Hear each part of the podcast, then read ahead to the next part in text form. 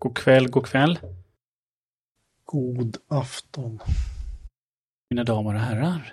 Välkommen till avsnitt 316 av podden Björman Melin Ås. Hej Jocke! Hej! Och mörkt du har det. Jag har ju stängt av eh, sommar, eller det här um, tänd uh, taklamporna automatiskt via HomeKit-grejen nu på sommaren. För jag har insett att solen går ju liksom inte ner. och de ju tändas vid solnedgången. Så Ja. att helt plötsligt så här, när man kanske har gått och lagt sig, plötsligt pff, så bara brakar in, tänds alla lampor överallt så blir det jätteljust. Så att jag har stängt av den under sommaren. Precis, så har jag... Eh, det har jag inte tänkt av, det har jag faktiskt tänkt på. Men jag har ett problem. Eh, Där uppe där jag sitter i min hall så har jag ju tre stycken eh, här spotlights-lampor i en Ikea. En Ikea-spot. Så det sitter tre ljuskällor i. Och så tänds de av en eh, sensor när jag kommer. Men jag har ett problem att de inte har stängts av. Så att jag ställer ner dem häromdagen till... Har olika, har olika automatiseringar beroende på när på dagen som, eh, som den känner av. Så jag har ett... Dagtid har jag ett klart vitt ljus och på natten har jag ju ett eh, mer eh, orangefärgat ljus när man ska gå upp på natten. Och sen så har jag ett annat, ett lite svagare ljus på morgonen så att det är lite mysigt på vintern när man vaknar. Okej. Men använder du eh, kameran som sensor då? Nej, för jag tycker den är... Jag har ju den kameran som vi båda har där. Men jag tycker den sensorn är för dålig. Jag testade det. Så att jag kör, har stängt av sensorn på kameran och kör en Philips hussensor. Men Okej jag automatiserar i HomeKit, men den har inte släckts. Så att då har jag ställt ner dem och har varit nedställda till en minut senaste veckan här. Och eh, det fungerade jättebra, så nu så släcks det när jag sitter still här en minut. Så att nu gick jag precis in när du ringde så gick jag in och ändrade det för att det släcktes här. Så jag gick in och ändrade det till eh, 10 minuter igen. Eh, så nu ska jag stänga Home. Ja, detta är ju eh, ett, detta är ett historiskt avsnitt för det är första gången som eh, Björman inte är med. Faktiskt, det är absolut första avsnittet någonsin. Så att, eh, så att vi, kan väl, eh, vi kan väl säga aj då. För att eh, Fredrik spelar ju alltid in allas, allas ljud också. Men det gör han inte idag så att eh, blir, det, blir det ingen podd. Att, att, att det kraschar då, är- då, då blir det ingen podd. Jag har passat på att ställa om min, eh, ja, Piezo, mitt ljudinspelningsprogram har kommit med en uppdatering. Så att nu finns det andra typer av kvalitet, ljudkvalitet. Så ikväll kör jag faktiskt spoken word som quality. Det betyder att det är 64 kilobit AAC-filer i stereo. Så vi får se om, eh, om det låter skit helt enkelt. Sådär, jag tänkte det kan vi passa på när inte han är med.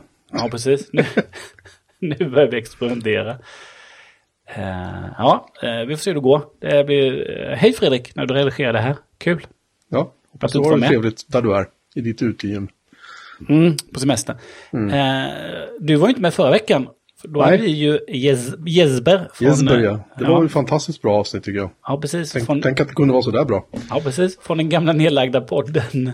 En podd om teknik som han var med. Och innan dess Slashat. Men du, då snackade vi ju lite grilla med honom i uppvärmningen. Och då erkände han ju, eller erkände, han berättade helt rakt ut att han, eh, han, han har ju inte levlat upp grill, grillningen. Utan han grillar ju bara Denniskorvar. Och jag kan Ja. tänka mig när du lyssnar på det att eh, liksom den där, eh, den där gubben som eh, blir röd och det tjuter ur öronen och näsan. Det var du just då. Jag satt i bilen och nästan skrek rakt ut. Nej, alltså det, det är ju så här, kompisar låter inte kompisar köpa, grilla eller äta Denniskorvar. Det, det bara är så. Eh, vi måste hjälpa Jesper här, känner jag. Vi måste utbilda honom på det här med färskkorv. Vi måste liksom, vi måste peka mot det förlo- förlovade landet där liksom kött är bra och gott.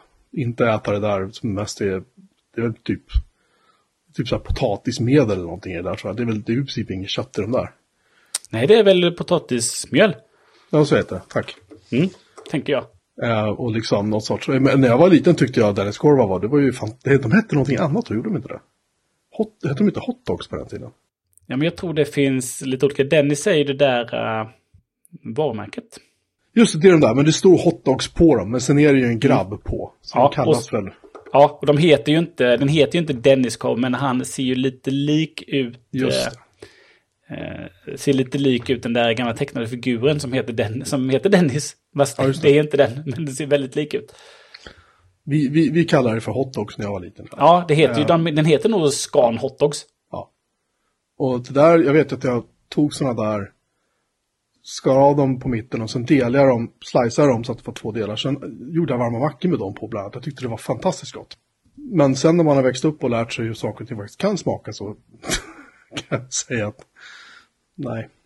Jag ser Eh. att jag faktiskt kan köpa de här Denniskorvarna då i 30-pack. Ja, men det är bra när man har barnkalas. Avslutning på, eh, på fotbollsträningen. De, den heter ju Hotdogs. Säljs normalt sett i 10, 10 paket. Och innehåller då svensk gris och nötkött 34 procent.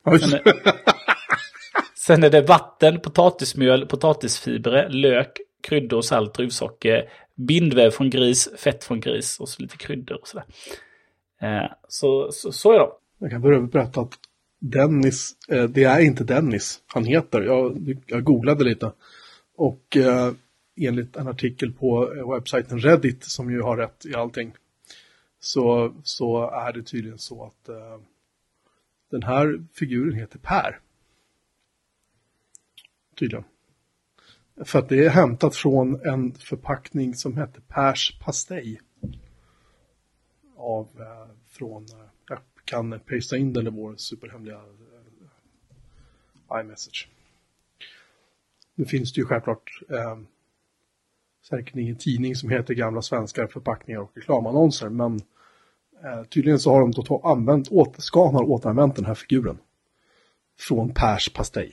Ja, och eh, om man då jämför med eh, Dennis, eh, den seriefiguren, så är det ju väldigt likt de som minns Dennis med röda snickarbyxor och eh, gult hår. Så den är väldigt lik eh, Scan. Eh, så därför säger man ju, den är otroligt lik. så Den är därför säger, lik. är därför säger vi ju Denniskorv i Sverige. Även om Så det jag, har- jag, har aldrig, jag har aldrig hört det uttrycket riktigt. Denniskorv, Alltså, det, säger till nej. med, det säger till och med mina barn. De, men de vet inte vem Dennis är. Men det är bara för att eh, vi här nere säger Denniskorv. Alltid sagt. Nej, jag vet inte. Vi, vi sa alltid hotdogs, för det stod det på. Ja, ah, precis. skitsamma. Um, tydligen så heter Dennis tydligen Per, men vi säger att det är, är, det är Dennis korv. Ja, precis. Men, det, men det vi ska säga då till Jesper är att eh, den ska du inte köpa. Nej. Utan eh, du ska köpa andra korvar. Och eh, vi kanske får bjuda in honom till en grill och korvspecial. Alltså, bor inte han neråt ditt håll? Du, du frågar du sådana konstiga saker? Jag tänker man borde kunna dra, dra honom till Jönköping och så kan vi ha en liten grillpodd-grunka nu i höst. Ja, Du har, ju upp, du har ju levlat upp din grillning så du bara visslar om det. Sen Ja, ja. Ja, det finns det ju både, det finns det både kolgrill och Ja, gasolgrill och uh, uteköks uh, ambition. Köpa lite färskkorvar och ta med lite roslagsgrill kan vi göra och vi kan liksom... Oj, oj, oj. Nu blir jag hungrig bara tänker på det. jag har precis precis. ätit. Ändå blir man hungrig. Ja, men så är det. Uh, nej, Jesper, du får levla upp. Du kan börja med att köpa någonting uh, som uh, kommer över 50% i köttinnehåll.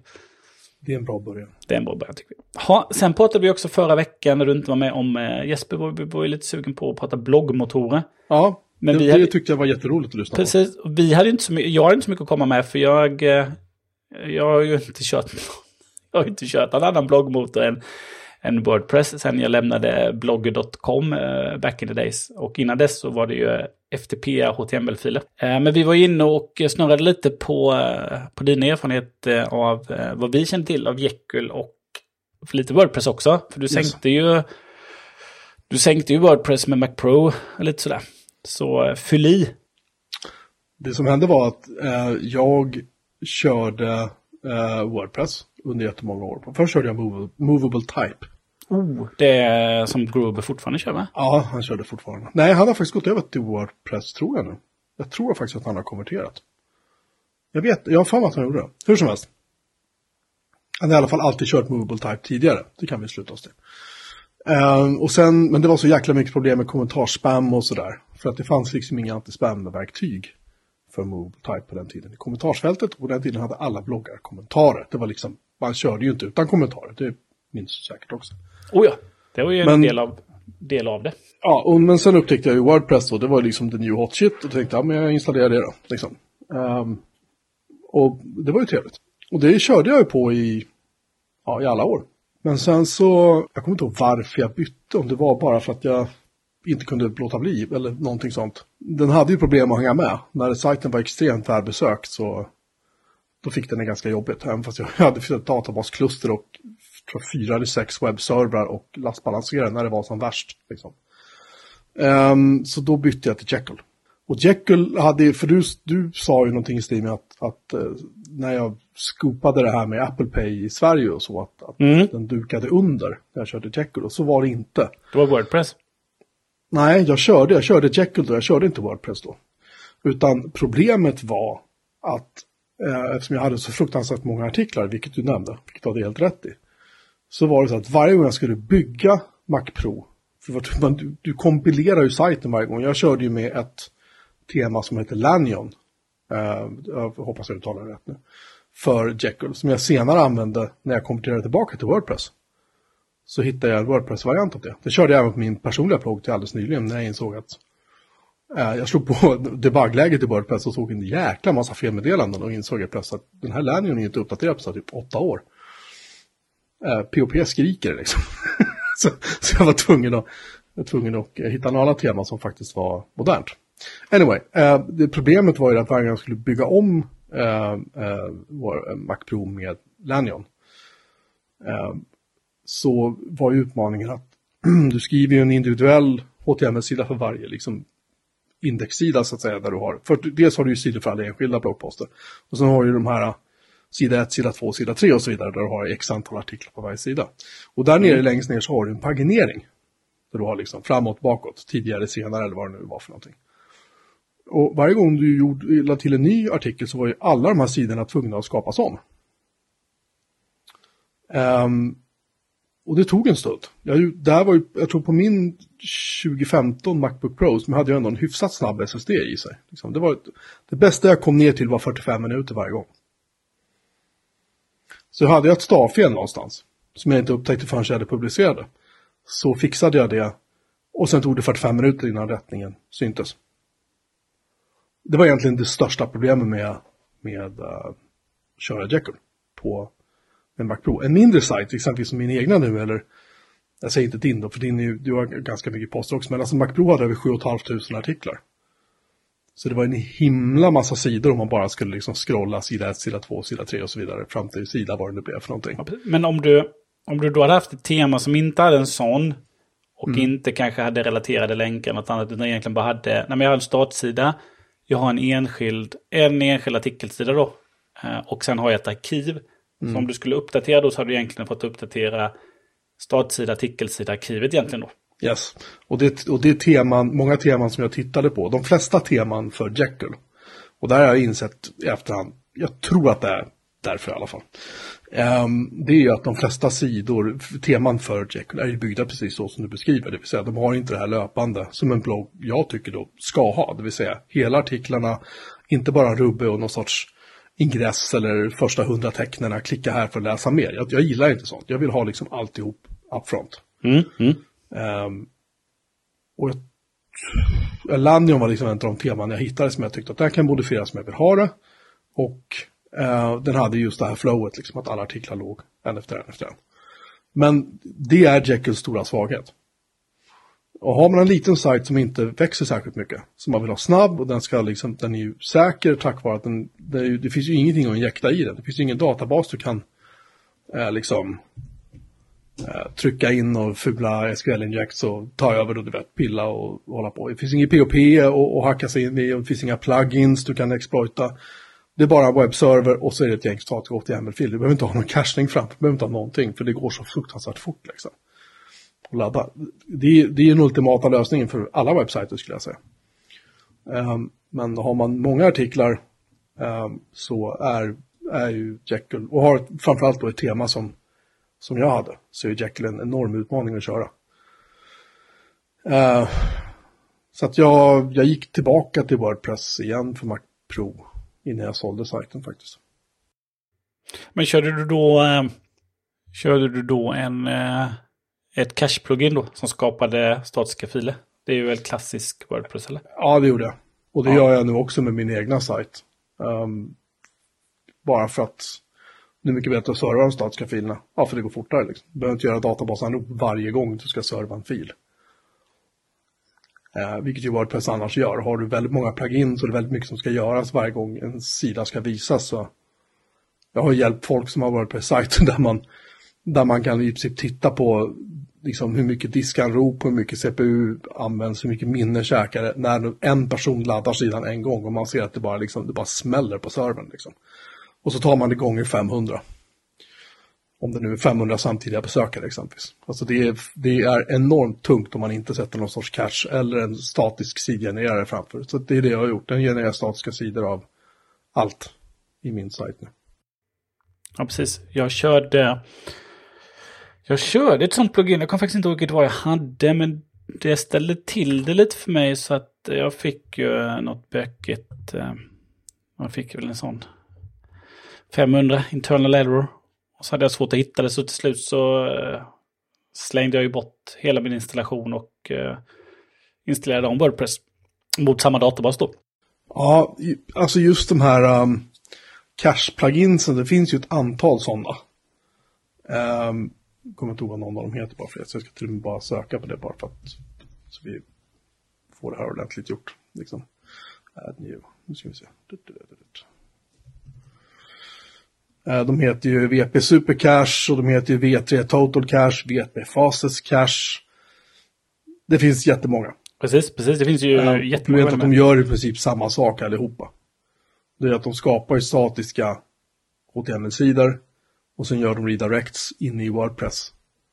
Uh, har du Apache så gör den ju redirects i HTXS-filen mot uh, de här cache-katalogerna istället. Min erfarenhet är att och jag vet inte varför, det kanske bara är jag som är klantig. Men jag har aldrig sett någon av de här cache-pluginsen funka särskilt länge. Det är alltid någonting som går åt skogen till slut. Det är det ena. Det andra är att de tenderar, i min erfarenhet återigen, det är kanske för att jag inte vet hur man gör, men de tenderar att funka ganska dåligt om du kör Nginx som webbserver. Kör Apache funkar de oftast bättre. Ehm, um, Nginx har dessutom egen caching som man kan slå på.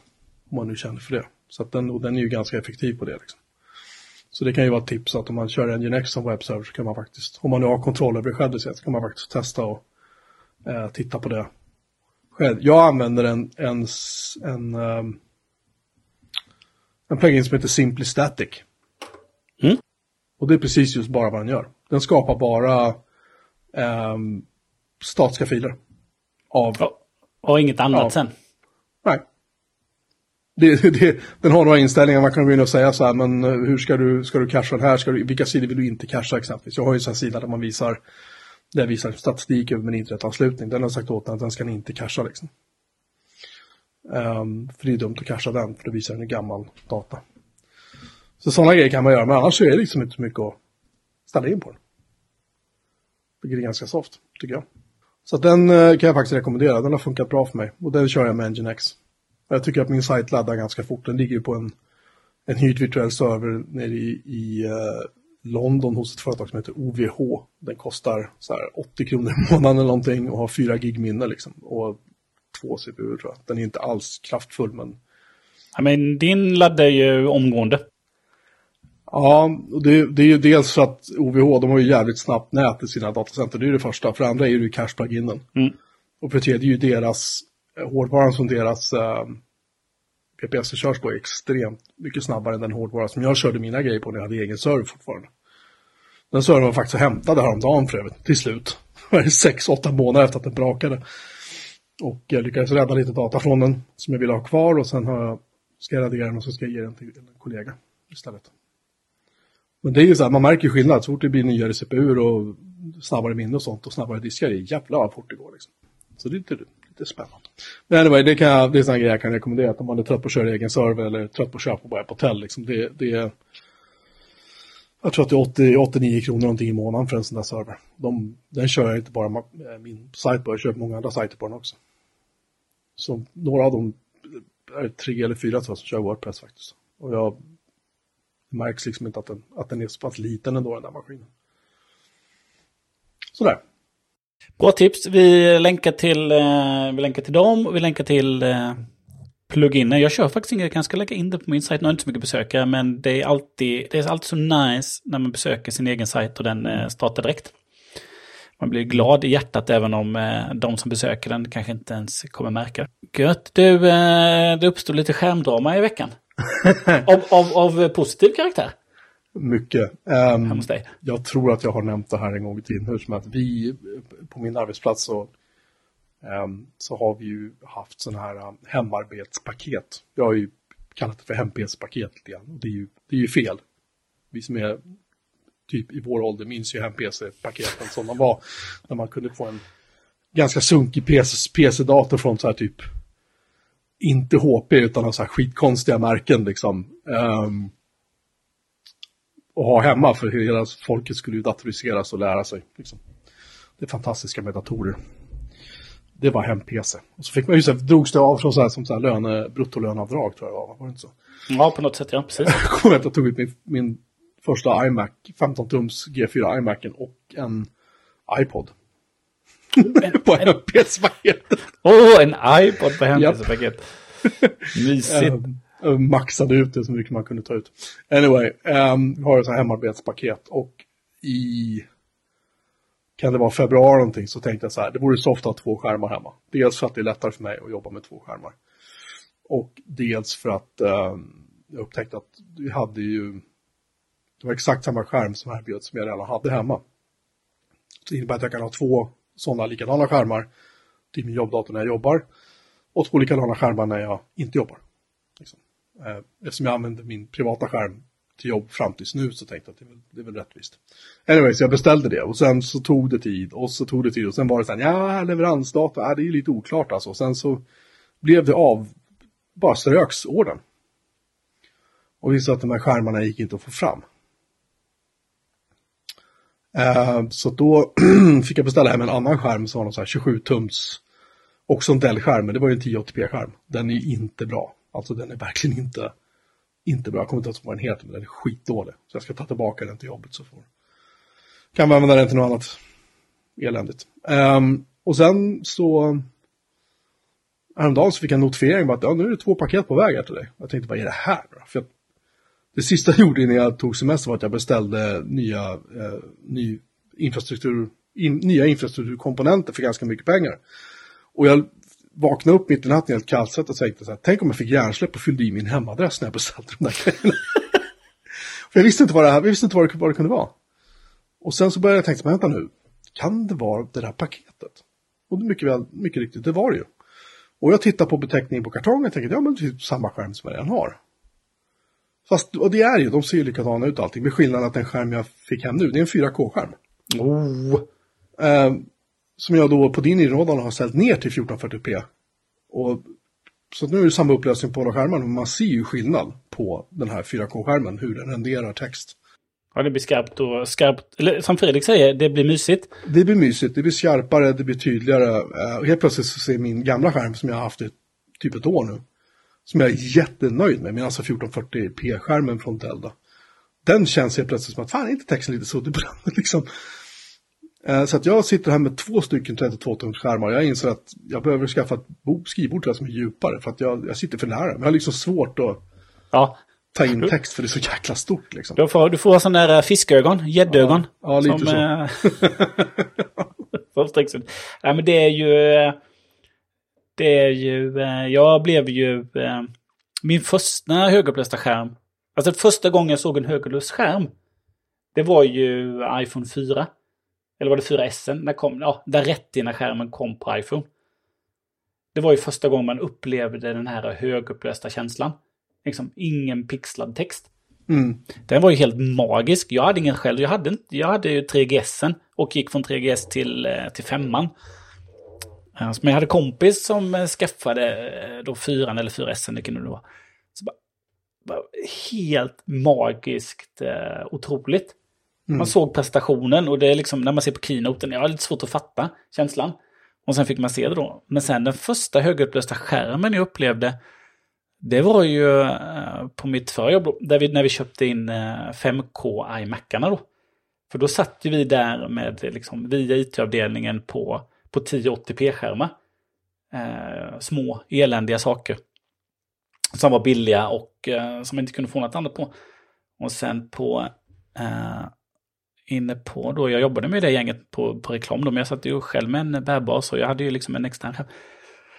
Och de hade kört, eh, de hade ju kört eh, Power Mac och sen gick man över till, eh, till Mac Pro och sådär. Och sen så, nej men nu så är det ju, nej men nu blir det iMac vi köper. Nu blir det ju liksom, det är billigare. Nu, så då blev det ju iMac. Och de, de första, vi hade de första då, en sån som du har. En tjockare varianten. Har du en Mm. tjockare eller en tunna? En tjockare, nej du har en tunna har du ju, fast inte högupplösskärm. Nej.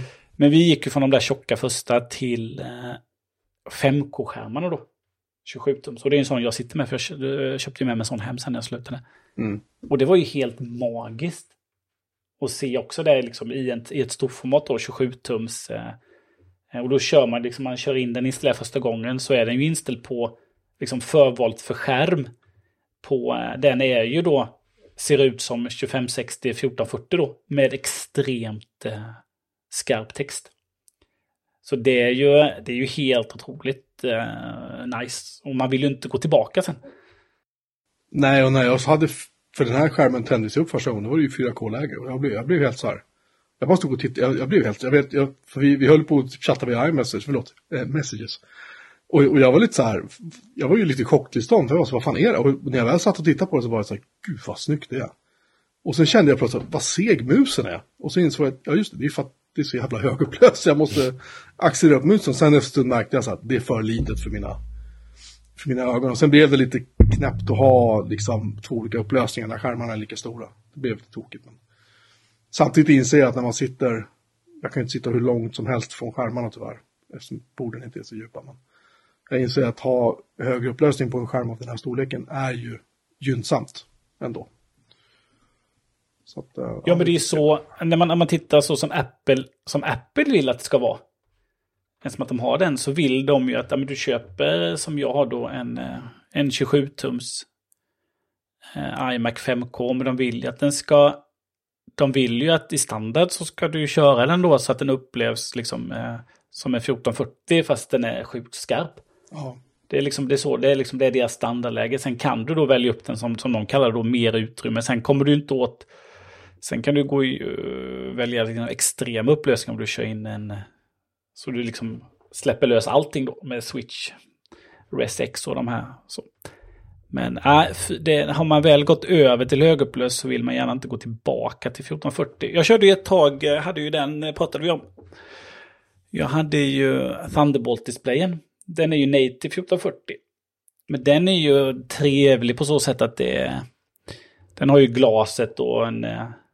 Den har ingen matt utan den har ju liksom ett, en glansig glas då. Den känns ju väldigt trevlig och ljus som display. Så den passade ju väldigt bra till. Så den är ju en 1440 som man kan trivas med. Men jag kör ju, jag sitter ju med 1080 bredvid här på högkant då. Och eh, det är ju skillnad då när man sitter, där har jag ju Teams och Slack öppet bara, eh, endast då. Men eh, den texten är ju, den är ju så dålig. Så att jag hade inte velat sitta med en sån skärm dagligdags. Då hade jag ju liksom, det hade varit tråkigt. Det är ju, nej, det är det inte värt någonstans. Men det har gått över till 4K på ja, min huvudskärm då. Liksom. Ja, Och, precis. ehm, jäklar vad litet det är. Men det är väldigt, är väldigt trevligt.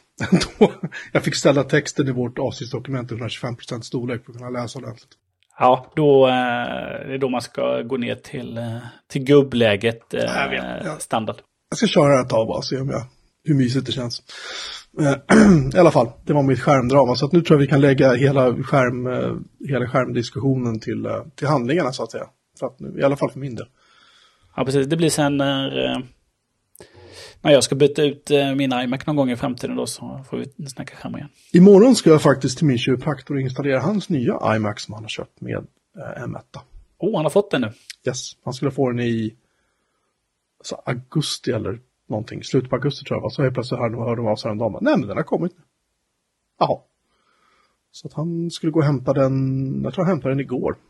Så att imorgon bitti ska jag dit och installera den. Han har ju liksom ingenting installerat, han använder ju bara webbläsaren. Så att det är så här, mig- migrering går rätt fort. Skapa, Allt, skapa konto, mata in fingeravtrycket i tangentbordsknappen för att logga in och sen så skapa två bokmärken, en för hans bokningssystem och en för min webbmail och sen så. Så. klart, klart. Det är enkelt att vara support. Ja, men han, han, han råkar ju så här typ, om man klickar på, höger, på röda krysset då, på ett fönster på, på sin Mac. Och sen får han inte upp någon ny webbläsare, då ringer han i mig liksom. För han får ju panik. Han, vet inte, han vet inte vad man gör. Ibland så startar han ju sitt inbyggda mejlprogram som inte har något konto inlagt, för han vill ju inte ha det. Men han ser, med, han ser ikonen, men ser ut som mejl. Jag klickar på den. Och så tror han att han ska hamna i webbmail. Alltså han är ju helt, han är ju så tekniskt inkompetent så det liknar ingenting liksom. Du får passa på att tömma docken också då. Ja, ja, det har jag gjort. Mm. Han, han, har typ fyra ikoner eller någonting. Där. Ja, precis. precis. Men han lyckas ändå sätt hitta mejlprogrammet. Ja, han råkar, han, råkar, han råkar komma in i Finder och trycka på appar och så, ja, det, det låter lite som när min, eh, min morbror för många, många år sedan åkte och ställde en, eh, eh, en, en dator hemma hos mormor och morfar. Det var säkert, eh, han hade original-iMacen så det kan vara den, eller så var det faktiskt eh, innan, till och med innan iMac G3, någon sån beige modell han hade. Men han åkte och ställde den och tyckte att men ni ska ha dator. Och de hade ju aldrig haft det. Eh, de hade ju liksom en skrivmaskin eh, till sitt bolag. De hade aldrig, ingen bokföring var ju liksom datoriserad hos dem. De hade ju bokföringsfirma hela tiden. Så han installerade den och visste hur man gjorde och sådär. Och sen så satte sig morfar någon dag och satte på den. Och ja men det känner jag igen här. Och så tog han musen och sen så ringde han till min morbror och sa Hej du, nu har jag kommit till slutet av musmattan. Pilen är inte framme. Vad ska jag göra nu? Och någonstans där så, så försvann den datorn från det hushållet och kom aldrig någon dator dit. Nej, min, min kiropraktor är inte fullt på den nivån, men det är liksom... han, han kan ringa mig helt panikartad och fråga hur han bifogar en, en fil till mejlen i webbmailen, trots att det finns en stor knapp på webbmailen där det står så här attach file eller bifoga fil. Han kör, han kör på svenska. Jag ser till att han har svensk gränssnitt. Och eh, jag klickar, på den då. Ja, ah, det är ett gem. Ja, klicka på den. Ja, ah, men du kommer upp en ruta. Du ska välja vilken fil du ska lägga in. Jaha, men var ligger den då? där du la den. Ja, men... Vad var det? Hur ska jag kunna veta det? Så här, kolla på skrivbordet. Ah, där, ja, ah, kolla. Ja, men bra så här. Nu kan jag det här. Två dagar senare ringer då är det samma sak igen. ja, han, han, har andra kvaliteter den mannen. Det är, det är en god vän till mig så att jag, han... Eh, han vet mina styrkor, jag vet hans. Ja, precis. Det är bra. Det är bara att det kompletterar varandra. Ja, men härligt. Det är mysigt att installera en eh, ny iMac. Då får du... Eh, jag ska rapportera tillbaka tänkte jag, och dina ja. vägnar. Att, att ja. berätta hur den är. Jag har ju bara sett den i Apple Store. Och jag tyckte så här, fan vad liten den är. Han, ja. köpt, han köpte ju en 27-tums iMac. Det är alltså sen 2013 han har. Och det här är som sagt, anledningen till att han vill köpa en ny iMac är för att eh, Safari vägrar ju hantera Safari är så gammal på den och det går inte att uppdatera längre. Så den vägrar hantera vissa certifikat nu. Som är ja, precis. Bland annat till min webbmail. Jag sa men du kan använda Chrome nej, nej, nej, nej. Nej. Och, och liksom, han gillar inte Chrome. Han, han, av någon anledning så är det, det är någonting som är fel bara. Det är fel ikon eller vad, jag har ingen aning. Men han, han är väldigt inställd på att han ska inte ha Chrome. Så han köper en ny dator istället för att använda en annan webbläsare. Och det är väl fair enough, för den är ändå ganska gammal och sådär. Um, men det är därför han byter. Ja, Men jag, det... ska, jag ska i alla fall installera så ska jag rapportera tillbaka hur den är. Jag tyckte den såg alldeles för liten ut. Jag sa åt honom, det är 24 tum, den är skitliten. Du ska inte ha en, en Mac Mini. Jag försökte sälja in en Mac Mini med typ en sån här skärm som jag har, så han får stor skärm. Han bara, men jag behöver inte ha stor skärm. Men när han köpte den här iMacen för massa år sedan, då var det så jag ska ha stor skärm. Jag ska kolla på röntgenbilder så här. Han hade kollat på en enda röntgenbild under de nio år han har haft den liksom. Ja, men då får man ju jämföra att då när han köpte den så hade han ju att välja på 21,5 tum och 27. Ja, det är för något. Så att eh, då blir 24 kanske ganska, ganska perfekt. Vilken, vad var han för färg? Det har vi nog pratat om. Jag tror att han tog blå. Men jag vet inte. Han kan ha fått någon idé när han stod där. uh, jag, jag liksom... De, han, jag gav honom, skrev ner på en lapp. Jag mejlade honom, jag skickade i messages. Här är vilken spes du ska ha. Och sen ringer han mig när han står i Apple Store i Täby med personalen, sätter mig på högtalare och säger så här, vad ska jag ha? Och så räknar jag upp vad han ska ha. Personalen blir tyst i andra änden och så bara, du ska inte ha, nej han ska inte ha det, han ska ha det här. Liksom. De försökte upsella honom. Ja. ska du inte ha så här en bättre processor? Jag bara, han behöver inte. Han ska ha max minne, 256 gig disk, han ska ha den färg han nu vill ha, han ska ha det här tangentbordet, den här musen. Och så Apple Care på det, det är vad han ska ha så. Och till slut så fick han ju det då. Men ja, det blev en sån här build to order eftersom det var ja, det var ju maxminne men inte maxdisk eller något sånt Ja, precis. Det var inte ett av deras tre val. Nej, nej, nej. precis. Så um, ja, jag ska dit imorgon. Kul. Och uh, sakta rapportera tillbaka i nästa avsnitt. Det ser vi uh, Vad vi har, uh, vad vi kom fram till. Om man gillar den. Mm. Och vad du gillar den. Men det, eh, innan vi avstänger detta, så just det där att eh, det tycker jag är det, det trista med Apple då är ju att eh, de håller sin webbläsare till eh, sina olika eh, OS-versioner då. Ja. Eh, de släpper ju upp, jag sitter ju på den sura, den stora sura. och då släpper de ju upp vad nu är Safari nu som man kör. Bra fråga för nu kör jag inte Safari just nu. Eh, men det är väl uppe i 15 eller någonting va? Jag kan titta. Då kör vi ju 15.5. Ja. Precis. Och eh, jag har ju även, kör ju också eh, deras Technology Preview då. Men den uppdateras ju inte längre till Big Sur. Just det. Utan då har de ju släppt den då, utan nu måste du ju steppa upp antagligen till, vad heter den, Monterey som är efter va? Eh, och eh, så är det nu kommer de ju liksom ja. bara säkerhetsuppdatera till Big Sur Safari tror jag. Skulle inte förvåna mig nu framöver sen. Och eh, så, liksom, så stöder de liksom nuvarande och en bak hela tiden. Men däremot kan du ladda ner senaste Chrome, senaste Edge, senaste Firefox. Ganska långt tillbaka. Men Apple liksom, nej, vi släpper inte vår webbläsare så att plockar du upp en Eh, plockar upp en som han då 2013 dator. Eh, så nej men vi har inget stöd längre. Jag plockade upp en, jag har ju en liten Macbook Air från 2012 är det väl. Och den kan ju inte köra, liksom, den har ju sin Safari-begränsning vilket gör att eh, man får meddelande om att men du har en gammal, en gammal webbläsare, den lirar kanske inte riktigt överallt. Men däremot kan jag ju dra ner senaste Firefox. Och mm. Eh, det fungerar hur bra som helst. Och det är liksom, tycker jag, det är dåligt av Apple. Att liksom deras webbläsare blir gammal. Sen är det ja, men vi stöder inte alla funktioner. Nej, det kan man kanske inte göra då. Men eh, de släpper dem väldigt tidigt tycker jag. Att de dumpar versioner. Min pappa har ju en 11-tums Macbook Air ifrån vad kan det vara? 2012 någon gång? 20, jag vet inte. 2013, nej, 2012 tror jag var han köpte den. Han använder den fortfarande. Batteriet funkar fortfarande jättebra på den. Han är jättenöjd med storleken. Jag har sagt åt honom att alltså, du behöver nog skaffa en ny snart för att liksom, den här uppdateras inte längre. Ja, det skiter jag i. Ja, men alltså du, snart kommer webbläsaren inte fungera längre. Mummel, mummel så här. Kan jag fixa det? Jag bara, ah, okej, okay, men du kan ju lägga in så här. Du kan lägga in Firefox eller Chrome eller någonting så här. Det vill jag inte ha. Så.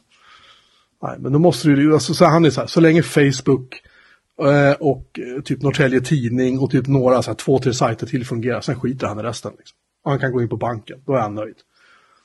Men när de slutar funka, då kommer jag nog äntligen lyckas få honom att få ta med honom till Täby och till Apple Store, så får han väl ta ut en ny Macbook Air liksom.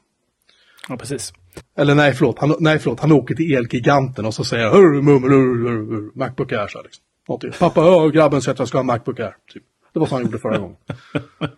Ja, men, har inte jag berättat den storyn han, han, han bytte ju PC-laptop typ en gång i halvåret. För att de slutade ju fungera. Uh, helt plötsligt så botar de inte eller liksom hårddisken blev korrupt och det är bara jättekonstigt.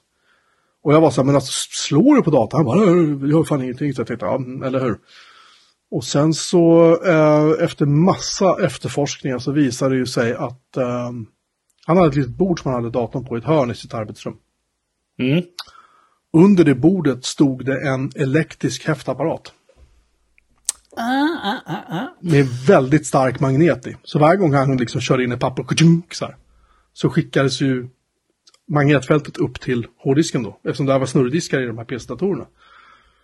Och jag kunde ju komma hem till honom, då låg ju liksom laptops i hans rabatt utanför arbetsrummet. Han hade ju bara öppnat fönster och kastat ut den. Liksom. Så hade han åkt till Eriganten och bara så, här, så skulle han ha en ny liksom. Och så tog han ut en ny och så åkte han hem och så fick jag åka, ja, åka dit då liksom och konfigurera upp den nya åt honom. Och, så efter ett halvår så frågade han, din dator är pajad, varför? Så ja, men här, följ med då, liksom. Så åkte vi till Elgiganten igen och så pekade han så den där ska du ha. Och då köpte han den macken och sen har han faktiskt aldrig bytt dator sedan dess. Han är jättenöjd med sin Mac.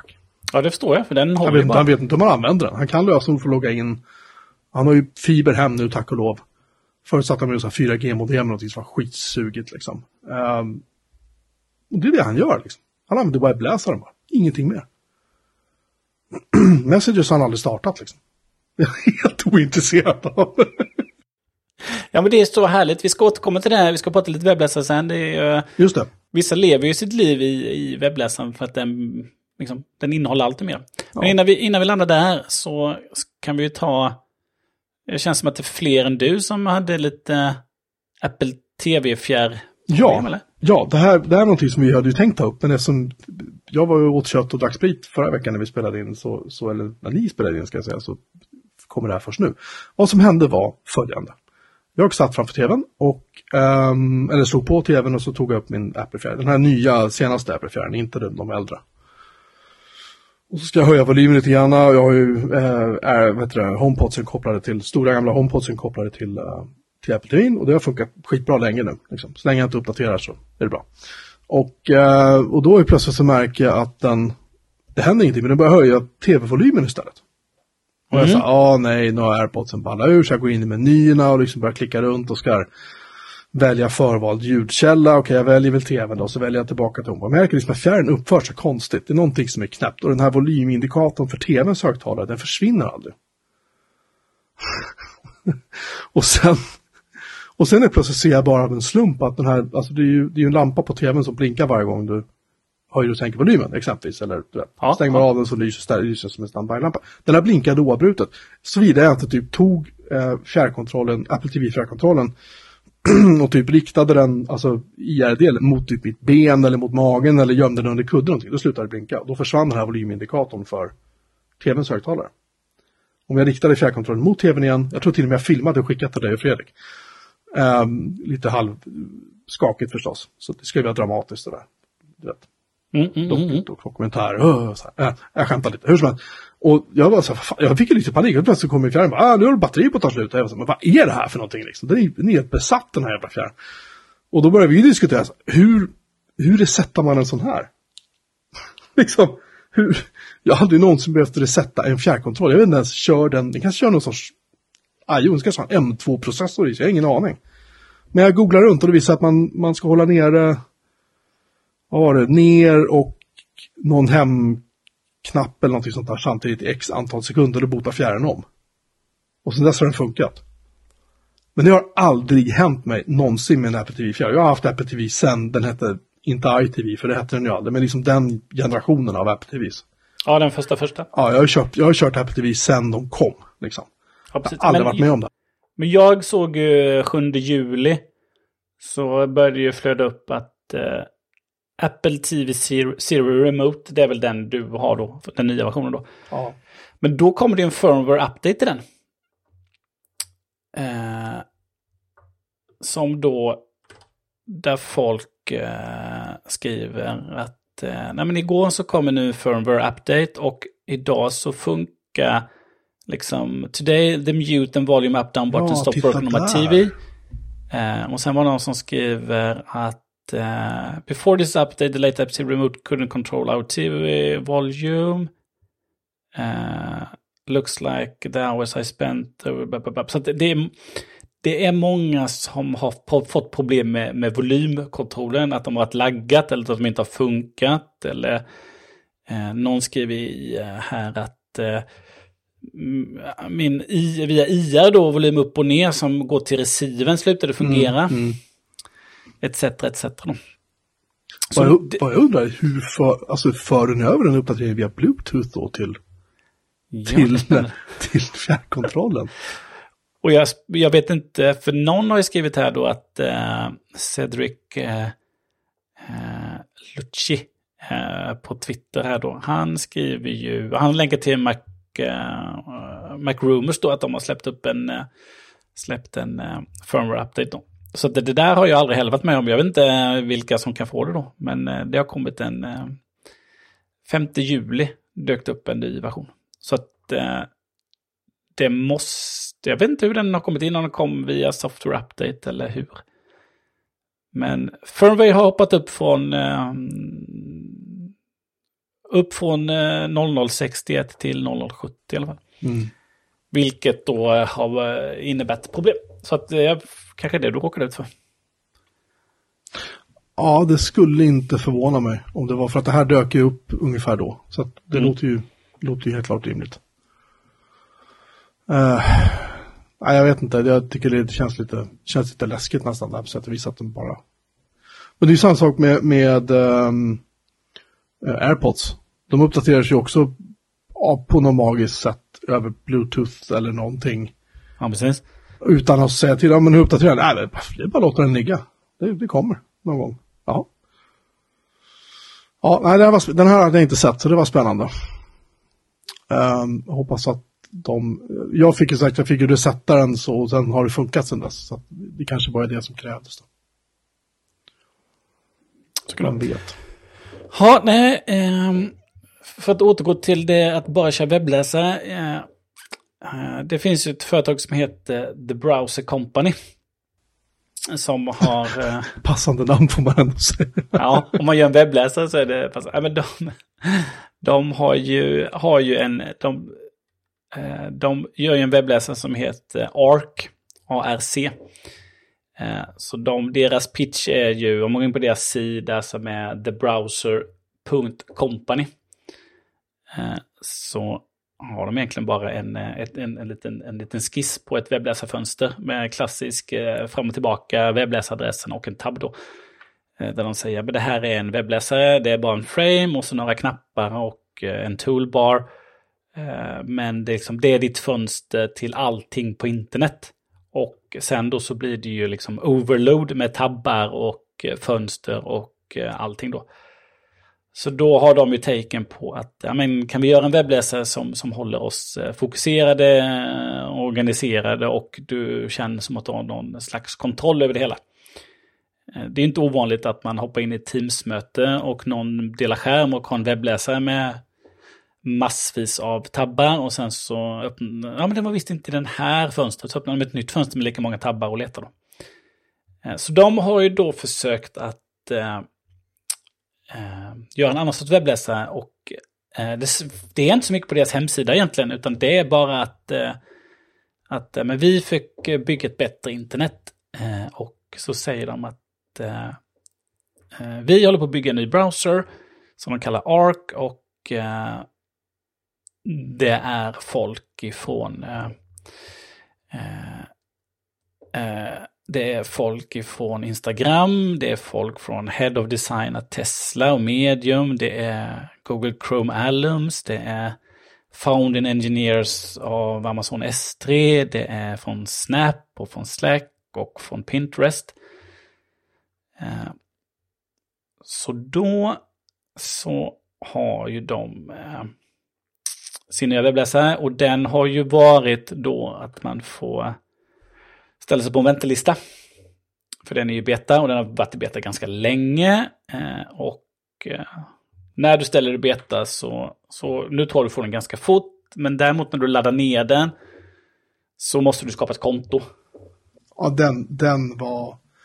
Alltså, jag gick tjuven till det, för jag menar, DuckDuckGos webbläsare är ju jättetrevlig. Och där fick man ju också, man fick registrera sig att man ville ha webbläsaren för Mac. Jag, jag tror inte det är samma sak som att man skapar ett konto. Liksom. Nej, du, du reggade väl bara och ställer på väntelistan. Här Ja. ställer du på väntelistan, sen skapar du ett konto innan du kan köra webbläsaren då. Precis, Eh. men, här, men här är det så här, du måste registrera. Mm. Och Vad de gör med det, vem vet liksom.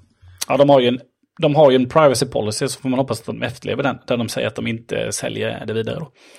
Det vet man aldrig. När Nej. affärsidén inte bär så ändrar de den. Mm. Om, man ska, om man ska se negativt på det. Ja, men vi, vi har reviderat våran... eh, Ja. Eh, nej men vi, vi får se. Uh, det än så ser man inte riktigt hur det, vad, vad, är, vad affärsidén är då. Om de ska släppa en, eh, en webbläsare för Teams då kanske då. Att eh, du ska jobba i team ungefär som de här eh, Spark e-mail gör då. Att ja, men det är gratis för, eh, för att ha den. Men sen om du vill köra den med funktioner för ett helt team då som att du kan ha samarbete kring, kring mail då. Att du flyttar in vissa funktioner i ditt mail så att flera kan delta i, liksom, i att hantera mail i en, i en viss grupp eller supportgrupp eller vad det nu finns då. Så kostar det pengar då. Så så kan det vara att de går åt. Men eh, den är byggd på den är byggd på, eh, på Chromium. Eh, så att alla de extensions som man kör till eh, eh till, eh, till Chrome funkar ju egentligen då. Eh, men det de gör då som är skillnaden är ju att, eh, och nu så kommer de som har kört eh, Omniweb att haja till då, för de har ju istället då för att ha en, en klassisk med tabbar på toppen, liksom en adressrad och så tabbar på topp, så har de en, en sidebar till vänster. Som är fast där. Däremot så är inte tabbarna mm. små bilder då, för hade väl, de hade väl små previews där va? Om ja. ja. Yep. Här är det bara eh, egentligen titeln på sidan och så är det bara rakt upp och ner. Så du har en, eh, på sidebaren längst upp så har du egentligen eh, en, ett, ett klassiskt eh, adressfält. Sen under där så kan du pinna dina favoriter så att eh, du kan ju liksom pinna björnmarmelin.se, Twitter eller vad du nu går till ofta då. Så ligger de och så får du upp lite ikoner om den, liksom, den plockar den här webb eller ikonen för sajten. Sen under där så har du eh, egentligen eh, sidebaren då. Och där har, har de, eh, den uppdelad i två delar. En del som är eh, saker som, som liksom är pinnade, som alltid ligger kvar. Och under där så har du tabbar som automatiskt försvinner. Så liksom, den rensar tabbar automatiskt. Standardinställningen är att eh, autostänger tabbar eh, på 12 timmar. Sen kan du ändra det till 24 timmar, 7 dagar eller 30 dagar. Eh, och då, då hamnar de i någonting som de kallar arkivet då. Där det finns liksom stängda, stängda tabbar då. Så det, du kan hämta tillbaka dem då. Eh, så att egentligen då, deras tanke är att eh, varje dag så har du en fräsch webbläsare då. Med, med, med inte massa gamla tabbar då. Och vill du behålla, hämta hem dem så kan du hämta dem i, från arkivet om det var något som visste vad tog det vägen. Mm. Det är en del. Sen är ju varje... Eh, du har de här uppdelningarna då med, eh, eh med tabbar som, eh, liksom, som kan stanna kvar eller som rensas. Då. Sen har de eh, spaces och det fungerar ju nästan likadant som liksom i, i, i liksom MacOS eller liksom andra sådana spaces. Utan eh, sidebaren då kan du svepa åt sidan då eller kortkommando. Då så kan du ha olika spaces då så att eh, jag har kört den här lite nu och testat eh, sen jag laddade ner den då. Då kan man ha, eh, jag har ju ett space då som jag kallar för, för, liksom för work. Och där har jag skickat på, i Safari innan så hade jag ju mina, ja men då har jag ju mina favoriter så hade jag ju liksom mina olika projekt och kunder så jag kunde liksom snabbt liksom gå in på deras sajter. Jag kan gå in till om de har någon supportsystem eh, jag ska titta i. Jag kan gå in och titta på de olika gir eller vilket system man nu använder för, för tickethantering då, så snabbkontot. Så då har jag dem, då ligger de ju eh, till vänster då. Då kan jag antingen ha dem som, eh, eh som rena man säger bokmärken då, eller som tabbar då, som är pinnade tabbar är det egentligen. Och, eller så kan jag dela upp dem i mappar då. Så att eh, nu har jag testat här att köra eh, mappstruktur per kund. Så då ligger de ju där. Eh, så jag kan ha mappar i mappar och så, eh, så, så jag kan bygga strukturer så. Så då kan jag ha olika, eh, olika spaces då. Så när jag inte jobbar helt enkelt, då kan jag bara swipa och så har jag mitt eh, vanliga space där jag inte har någonting med jobb då. Och sen så kan jag swipa och då sitter jag i, liksom, kan jag sitta i det hela dagen egentligen och ha liksom snabb tillgång till de sakerna. Och sen så kan jag bara plocka bort det. Då. Så det är en sak, eh, man hanterar tabbar och eh, spaces då. Eh, en annan sak eh, är ju eh, eh, någonting som de liksom vill ta det ut ifrån webbläsaren då. Eh, och det är ju, eh, eh då har de eh, Dels har de en sak som heter bibliotek. Eh, som då kan eh, liksom accessa, som ersätter sidebaren då, så den över, utan något som heter bibliotek eller library över. Och eh, där, eh, där bestämmer du vad du vill se i biblioteket. Det kan vara downloadsmappen, desktopmappen, eh, dokumentmappen och sen så kan det vara de screenshoten. För det finns en speciell screenshot. Eh, funktion i ARC. Och sen så kan du ha även något som heter Notes och något som heter Easels i, i den här. Men eh, så då, det de har tänkt då är att ja, men, ofta så behöver du de filerna som ligger i downloadsmappen och på desktopen. Som din eh, kiropraktorkompis då. Nu ska jag bifoga den här filen. Var ligger den? Som antagligen på desktop. Och då är, har du dem som tumnaglar då och kan liksom, liksom komma åt dem jättesnabbt om du ska liksom bifoga dem i, i ett mail eller vad du nu ska göra då. Så det är en liten smutt funktion som finns där. Sen har de också eh, de har något som heter eh, Note. Eh, och det är egentligen en väldigt eh, en väldigt enkel eh, Notes-funktion egentligen. Att du liksom, du får upp ett nytt fönster och så får du liksom ett, eh, ett eh, dokument egentligen. Som du kan, liksom, ja, du kan använda, du kan lägga in rubriker, H1 till H3, du kan ha text, du kan ha bullet list och du kan eh, lite fetstil och så kan du lägga in länkar och bilder. Och det ligger ju bara tillgängligt i ARC-webbläsaren då. Så du kan ju inte nå det någon annanstans. Det är inte så att du kan surfa in på det med en annan webbläsare och ändra, utan det är, liksom, det är bara tillgängligt via ARC-webbläsaren då. Eh, men då, då är tanken att, men det är som att du spenderar så mycket tid i din webbläsare och du gör allt i webbläsaren. Varför ska vi inte då ha ett enkelt, en enkel notepad egentligen i webbläsaren då? Istället för att ha kanske en Google Docs då. Men en väldigt sån enkel, man kan se det som en enkel markdown egentligen då. Eh, sen har de också någonting som heter Isel.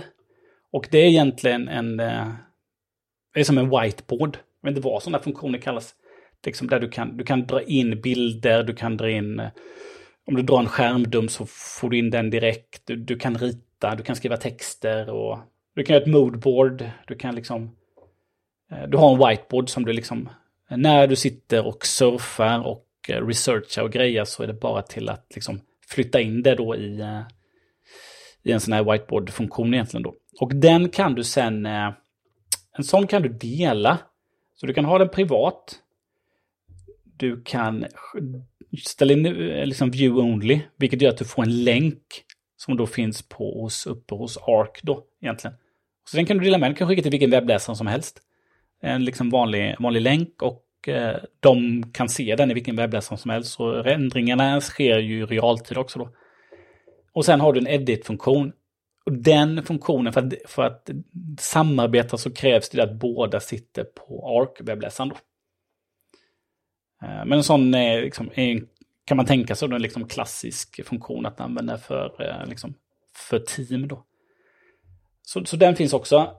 Jag kan tänka mig, just nu idag så testar jag Note-funktionen. Och då använder jag den i en tredje funktion då, som är Split View.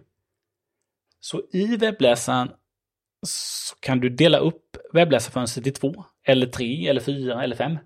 Så det bara ökar på antalet liksom, fönster. Så nu sitter jag med två fönster då, om man säger i själva webbläsarfönstret, i mitt webbläsarfönster så delar jag det i två då. Så att jag har inte två, jag har inte två webbläsarfönster som jag, som jag ställer upp på skärmen med en fönsterhanterare, utan i, i ARCs fönster så kan jag splitta det i två då. Så en split view. Eh, och sen kan jag gå till en... Eh, de har precis ändrat den funktionen idag. Innan så så var de olika tabbar då, så när jag stod i den här splitviewen och bytte tabb när jag stod på, på en av tabbarna, då fick jag den nya sidan nu. Men nu behandlar de, nu behandlar de en splitview som en egen tabb då. Så att eh, jag ser här att ja, men jag har två tabbar öppna och så ligger de bredvid varandra i, eh, i min, eh, i min eh, sidebar. Så jag ser att ja, men de här två tabbarna bildar det här splitview-fönstret då. Så då har jag vårt avsnittsdokument och så bredvid där så har jag lite anteckningar som jag testar i det anteckningsläget då, där jag skriver att amen, vad vill jag säga på varje punkt med min? Och vilka frågor vill jag ställa till dig då? Så att jag kan bygga upp mitt eget lilla dokument bredvid då, fast jag har det i samma webbläsarfönster då. Så det är lite smutt. Eh, sen kan jag dölja sidebaren då så jag får ett, eh, liksom, då får jag ett fullskärms webbläsarfönster då, helt utan någon, eh, utan någon adressrad eller någonting. Det som eh, det som jag tycker är konstigast med den här webbläsaren är ju att man är så van att tabbarna är tydliga tabbar där uppe. De blir ju liksom som någonting, någonting väldigt visuellt. Här är det bara, eh, här är en lista till vänster, vilket mer känns som att, eh, ja men är det en tabb eller är det ett fönster? Eller vad är det för någonting? Eller es, vad ersätter jag min tabb nu? Nej, men det ligger visst kvar där. Eh, att tabbar är ju annars ett väldigt, väldigt visuellt tydligt att men här är det en tabb. Men tabbarna ligger till vänster och är liksom bara liksom bullet list. Det är liksom bara en webbläsarikon, eller ikonen för webbsajten och så står det liksom eh, titeln bara då. Så det är lite svårt att liksom ställa om hjärnan att det är så här det funkar. Eh, så jag får se eh, vad jag tycker om det. Och samma sak de här små ikonerna då som liksom är snabblänk till Twitter. Ja men då byter jag egentligen bara tab. Men jag uppfattade det som att oj nu ersatte jag ju min gamla tab. Men det gjorde jag inte för den ligger ju kvar här nere. Eh, men man är så van att eh, man är så van att eh, browsa i tabbar på ett annat sätt. Eftersom att de är synliga på ett annat sätt. Då. Men de fick göra något nytt i webbläsarvärlden. Thebrowser.company, man får ställa sig i kö, man måste regga sig. Jag vet inte hur snabbt man får konton, men jag tror det går ganska fort va? Visst ställde du dig i kö och fick inbjudan ganska fort va? Nej, jag, jag, nej, jag ställde mig aldrig i kö. Jag, jag, jag, ladd, alltså, Fredrik, eller det var du som, nej det var du som la upp den, ja just det. Den dök ju upp i våran uh, ja, precis, jag delade iCloud Drive och då tänkte jag, vi installerar den där bara. Sen så startade jag den och tänkte, oj vad kul, och så bara, här, logga in. Och då var det så här, nej, jag, jag bara kände direkt att, nej jag vill inte. jag vet, nej, precis. Det kanske så var, var dumt av mig, men jag kände bara att jag har fan ingen lust. Nej, men du hade nog inte kunnat det heller, för Fredrik testade ju och då matchade de ju hans mailadress mot sin waiting list. Och så sa de ju att eh, hej, du eh, står inte på, eh, du har inte fått tillgång. Så Nej. därför släppte den inte in i då. Så det var ju begränsning då. Det var ungefär som när vi försökte dela DuckDuckGo mellan oss. Då var man ännu tvungen att ha en, en liten kod ju då som man fick via deras app då när man stod i kö. Då. Just det. Men jag för mig att det var så att man skulle regga, så jag kommer faktiskt inte ihåg hur onboardingen var. Men en, ja, det är ändå kul att någon fick ta ett annat tag det som är standardinstallerat i extensionväg då är ju Unblock, on, Unblock Origin då. Det är ju eh, den som är standard. Så att den blockar ju eh, den fick väl och, och liksom lite likt DuckDuckGo och eh, Firefox då försöka hålla undan eh, liksom, tracking cookies tror jag. Men i övrigt så bygger den på, den bygger på Chromium då. Så att det eh, funkar väl. Lite, lite annorlunda tänk. Men jag har på hemdatorn här nu eh, satt faktiskt den som default webbläsare. Oj, bara, för att, oj, oj, oj. ja, bara för att känna. Eh, den har också en liten funktion som heter, som avslutning så har den en, någonting som heter eh, Little Arc. Vilket är liksom A little arc is a smaller, simpler arc window. It's perfect for quick lookups and reading funny tweets your friends send you. Så exempelvis då när du, när du, när du skickar en länk exempelvis i iMessage då, eh, till någonting, så kan man ställa in att ja, men om jag trycker på en sån länk någonstans så öppnar inte den upp hela webbläsarfönstret som är öppet och liksom tar över en tab där. Utan då får jag bara upp ett, en jätteliten ruta där jag liksom, ah, då kan jag titta och så se att ja, men det, här, det här var ju en, en som nu när du skickade länken till din uh, Simple Static på Wordpress där. Då kan jag sen välja att ja, men jag vill öppna den i, uh, i stora webbläsarfönstret och så öppnar den en ny tab där. Men uh, exempelvis om man bara får en liten tweet då som man ska titta på. Uh, nu renderar de ju i sig väldigt bra in i iMessage, men då får man upp det i ett litet fönster då. Vilket är en smutt liten funktion. Och sen innan jag slutar så ska jag berätta också att den har en funktion som de kallar för, då förutom då att den har då Notes och Easel då, så har den någonting som heter Boost. Och det är helt enkelt att eh, om jag eh, går in på eh, vilken sida som helst, eh, så då väljer jag här och väljer New Boost. Eh, då kan jag då välja att eh, göra mina egna teman. Så jag kan injekta new, nya features, eh, eh, scrape data and more. Så lite CSS och JavaScript så kan jag göra vad jag vill med vilken sida som helst lite så. Så att om jag står på melin.org här och trycker New Boost, då kan jag välja här Style. Så kan jag ändra look and field på din, på din webbsida. Så jag kan välja att ja, men jag vill skicka på min custom CSS här. Så när jag läser in melin.org så vill jag ha en rosa bakgrund och så vill jag ha Comic Sans som typsnitt. Och då kommer... Då, då kommer jag alltid få det när jag, när jag besöker din sida. Och sen kan man också välja eh, att det ska vara för fler webbsidor eller bara för en webbsida. Sen kan jag välja replace, replace content on website. Jag kan injekta content på sidan eller jag kan börja från, jag kan göra custom då. Så att de har ju lite sådana här förvalda mallar då. Så när jag väljer då att jag vill injekta eh, någonting då så väljer jag alla webbsajter eller en speciell webbsida då.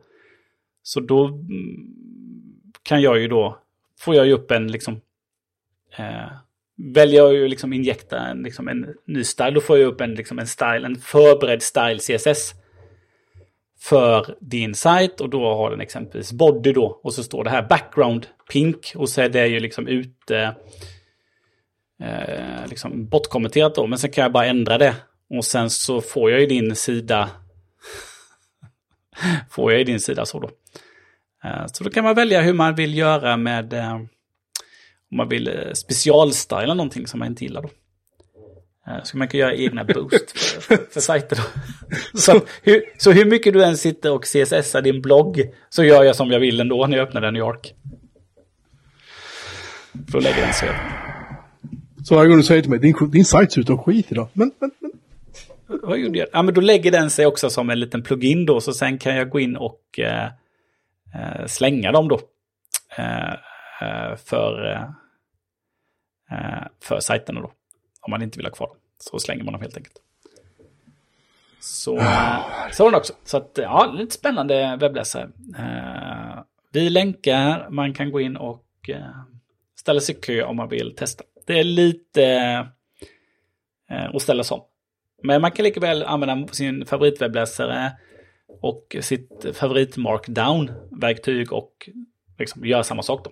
Men de vill ju flytta över allt. Liksom. Ja, men vi sitter, spenderar våra liv i webbläsaren, därför så bygger vi in funktion direkt i webbläsaren som vi tror att eh, folk kan ha nytta av. Så kan man väl säga. Ja, jag, jag, är, jag är skeptisk. Ja, ehm, och när man kör det så tror jag... Alltså man måste nästan... För att ge en sån här liksom, så annorlunda webbläsare eh, liksom en chans så måste man nog gå in och välja att ah, men den här ska vara standardwebbläsare. Och så måste man ge det säkert en vecka eller två. Liksom. Ah, men kommer det här funka eller inte eller blir det bara fel?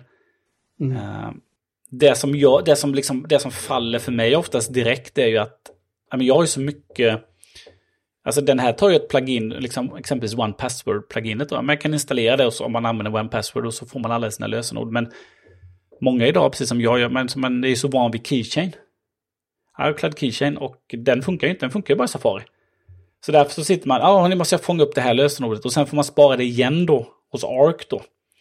Liksom, som man gör då. Det är samma sak med DuckDuckGo, det är samma sak där då. Att eh, man ska spara lösenorden så får man liksom börja lägga upp dem där då. Så det är ju det, det, är liksom det man blir mest irriterad på att, ja, det där ja. Jag försökte ju byta webbläsare på på iOS på telefonen till DuckDuckGo. Men just det där att nej, det, det blev ett för stort steg. Jag la in den som standardwebbläsare. Men liksom, nej men det, jag, jag orkar inte för jag har inga lösenord och ska liksom börja om då. Så där var det ett sånt stort steg.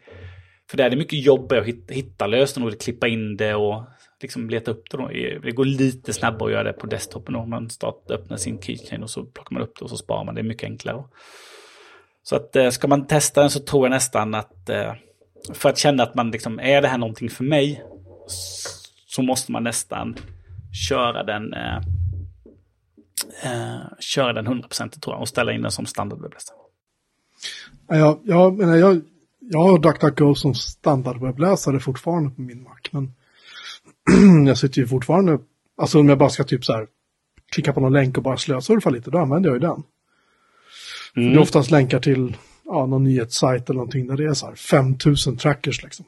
Men när jag sitter och håller på och pillar med mina system här hemma exempelvis, då, då kör jag bara Safari fortfarande. Förutom i absoluta undantagsfall, då, då startar jag Firefox. Uh, vilket är, ja, så jag har många webbläsare att välja på. Men det, det kanske inte är fel. Nej men ofta har man ju det och det som jag tycker eh, eh jag, eh, liksom när jag besöker exempelvis Aftonbladet då, det är alltid en bra sajt att testa på. Eh, med ARC nu då så ser jag ju inga, jag ser inga annonser utan de, eh, de klipper ju dem direkt. Eh, däremot så, eh, däremot det som är så skönt med DuckDuckGo är att den, den tar ju hand om alla cookie consent den tar hand om alla cookie consent pop-ups också då. De flesta. Den hanterar ju dem och liksom avvisar ju allt. Eh, men det gör ju inte den här då. Och det är man ju bortskämd med med DuckDuckGo. Det är bara sofa, det kommer inte upp någon sån, sånt överhuvudtaget. Mm. Uh, så det är bra. Yes, uh, släppa webbläsare och snacka lite, lite fläktar igen. Ja, det är väl, det är, det är, jag vill bara säga på en gång innan du ballar ur nu, det här var inget höftköp. Det här, det här var ett, ett informerat, uh, uh, välresearchat köp plus det faktum att vi var mitt i en bergbölja och värmebölja. Och det gick inte bara att åka till typ Jula eller någonting och köpa en fläkt. Det var slut. Det var slut ja, som, överallt. Som alltid värmeböljor. Ja, och, och det lustiga är att, att uh, de fläktarna jag till slut köpte kostar ungefär vad en, en hyfsad fläkt hos exempelvis Jula eller Biltema någonting hade kostat. Det, det var inte många hundralappars skillnad alls per fläkt. Det kanske var 150 spänn någonting. Jag tror det har kostat 650 stycken någonting, de jag köpte. Um, de, det är ju då Xiaomi förstås, vårt favoritföretag. Uh, inte. Men jag har ju så mycket junk från dem tänkte jag så att okej okay då, jag kan väl leva med det. Så att det blev deras eh, Mi Smart Standing Fan 2 Lite. Och skillnaden mellan eh, Standing Fan 2 och Standing Fan 2 Lite är att den vanliga då som kostade 100 eller 200 spänn till, den kan tydligen pusha ännu mer luft. Ehm, jag vet dock inte vad, när man skulle ha behov av det. Ehm, I alla fall inte i en lägenhet. För att jag kan säga att jag kan blåsa luft i min fläkt så att det, jag kan torka tvätt framför den. Liksom. Det är väldigt drag i den här fläkten om man sätter den på max. Ehm, den är också väldigt tyst. Sätter man den på, det, på alltså ettans det långsammaste läget så är den perfekt att ha när man ska sova. Liksom. För man, man störs inte av den. Uh, eh, varken jag eller mina söner. Um, och sen är den wifi-ansluten. Wifi-anslutningen var ju ganska kackig. Uh, appen säger så här, nej men så här, uh, först så säger appen så här, ah, du ska installera en ny produkt. Ja, absolut, säger jag. Bra, ge mig bluetooth. Ah, Okej, okay, du får bluetooth i stunden. Nej, jag kan inte hitta någonting så här. Eh, fotografera etiketten på fläkten. Det finns ingen etikett på fläkten. Okej, okay, lägg till manuellt då. Okej, okay, lägger till manuellt. Eh, resetta wifi på fläkten. Eh, bla bla bla. Ingenting. Och så säger den så här, anslut till fläktens wifi. Då gör man det. Så ad hoc wifi som den skapar. Och sen så står appen där och tänker. Och ingenting händer. Och klickar man då på typ så här hoppa tillbaka i appen. Då, säger, då får man så här jättekrystat felmeddelande. Typ bla bla, någonting med wifi liksom. Och det tog en stund, eh, för den, jag ger den alla rättigheter som applikationen bad om. Men det finns en rättighet som den inte bad om, och det var ju så här local access till nätet. Um, och så när jag slog på det, då kunde jag till slut hooka upp dem mot wifi. Och då klarar de bara, um, uh, vad är det vi har? 2,4 GHz och 5 GHz. Den klarar bara 2,4 GHz wifi. Och sen är den inte, ibland så är det så att jag inte får kontakt med den. Man bara trycka några gånger innan den säger ja, ja, ja, okej, nu är jag med, nu är jag med. Så här. Trots att ingen av fläktarna har längre än typ så här en och en halv meter, två meter till en router. Eh, och det finns wifi-täckning, gott om wifi-täckning i alla rum där fläktarna står. Men ibland så bara vill de inte vara med, liksom, av någon anledning. Jag vet inte för att jag har, om jag är så att jag har 5 GHz på att det stör på något sätt, men det tror jag inte ska påverka. Um, inga förmånbara uppdateringar till dem. Det är okej. Okay. Sådär. Um, och jag lyckades faktiskt till slut koppla upp dem och min luftrenare och min airfryer till HomeKit via eh, Homebridge. Som jag sa, jag satte upp det för länge sedan, men då vill jag ju kunna styra min robotdammsugare. Men och det har vi pratat om tidigare, det är en ganska lång historia, men hur som helst, korta summa summarum är att det gick inte att få ut tokens ur dammsugarroboten för att kunna ansluta den till HomeKit, eller till HomeBridge, förlåt. Däremot gick det alldeles utmärkt att få ut tokens ifrån alla mina andra de här Xiaomi-produkterna jag har. Med ett skript som min kompis Viktor skickade till mig. Mm.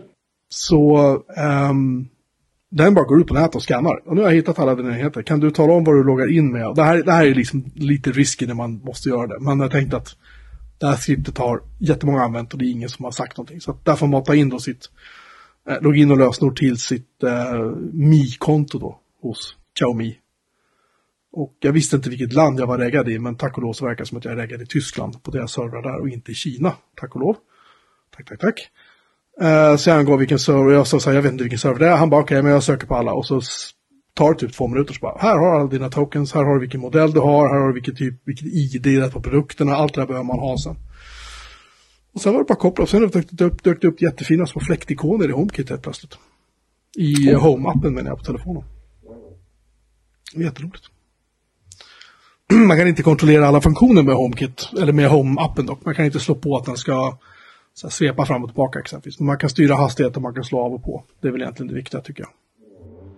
Ja, framförallt, ja, precis. Av och på är ju, det är ju nice att ha. Den är nice att ha. Men nej, jag är faktiskt skitnöjd med de här fläktarna. De är, de är tysta. Eh, de är snygga faktiskt, måste man ändå ge Jag tycker Xiaomi, de har bra... Om är man lite Apple-nördig så här, så deras design är fan inte dålig. Apparna är ju... Apparna borde ju nog skjutas för. Det kanske redan har hänt, för det är Kina. Men liksom... Där avrättas ju folk åt höger och vänster. De minsta, konstigaste anledningar. Um, jag ska inte skratta åt det, förlåt. Men i alla fall. Appen är ju för jävla hemsk. Det går inte att säga något annat om den. Men, men produkternas liksom design, Airfryen är ju skitsnygg. Jag tycker att min luftrenare är faktiskt snygg. Den har snygg dis display. Det är bra färger på lysdioderna. Knapparna är så här, ja, de känns helt okej. Det känns liksom, jag ska inte säga premium, men det känns de är trevliga.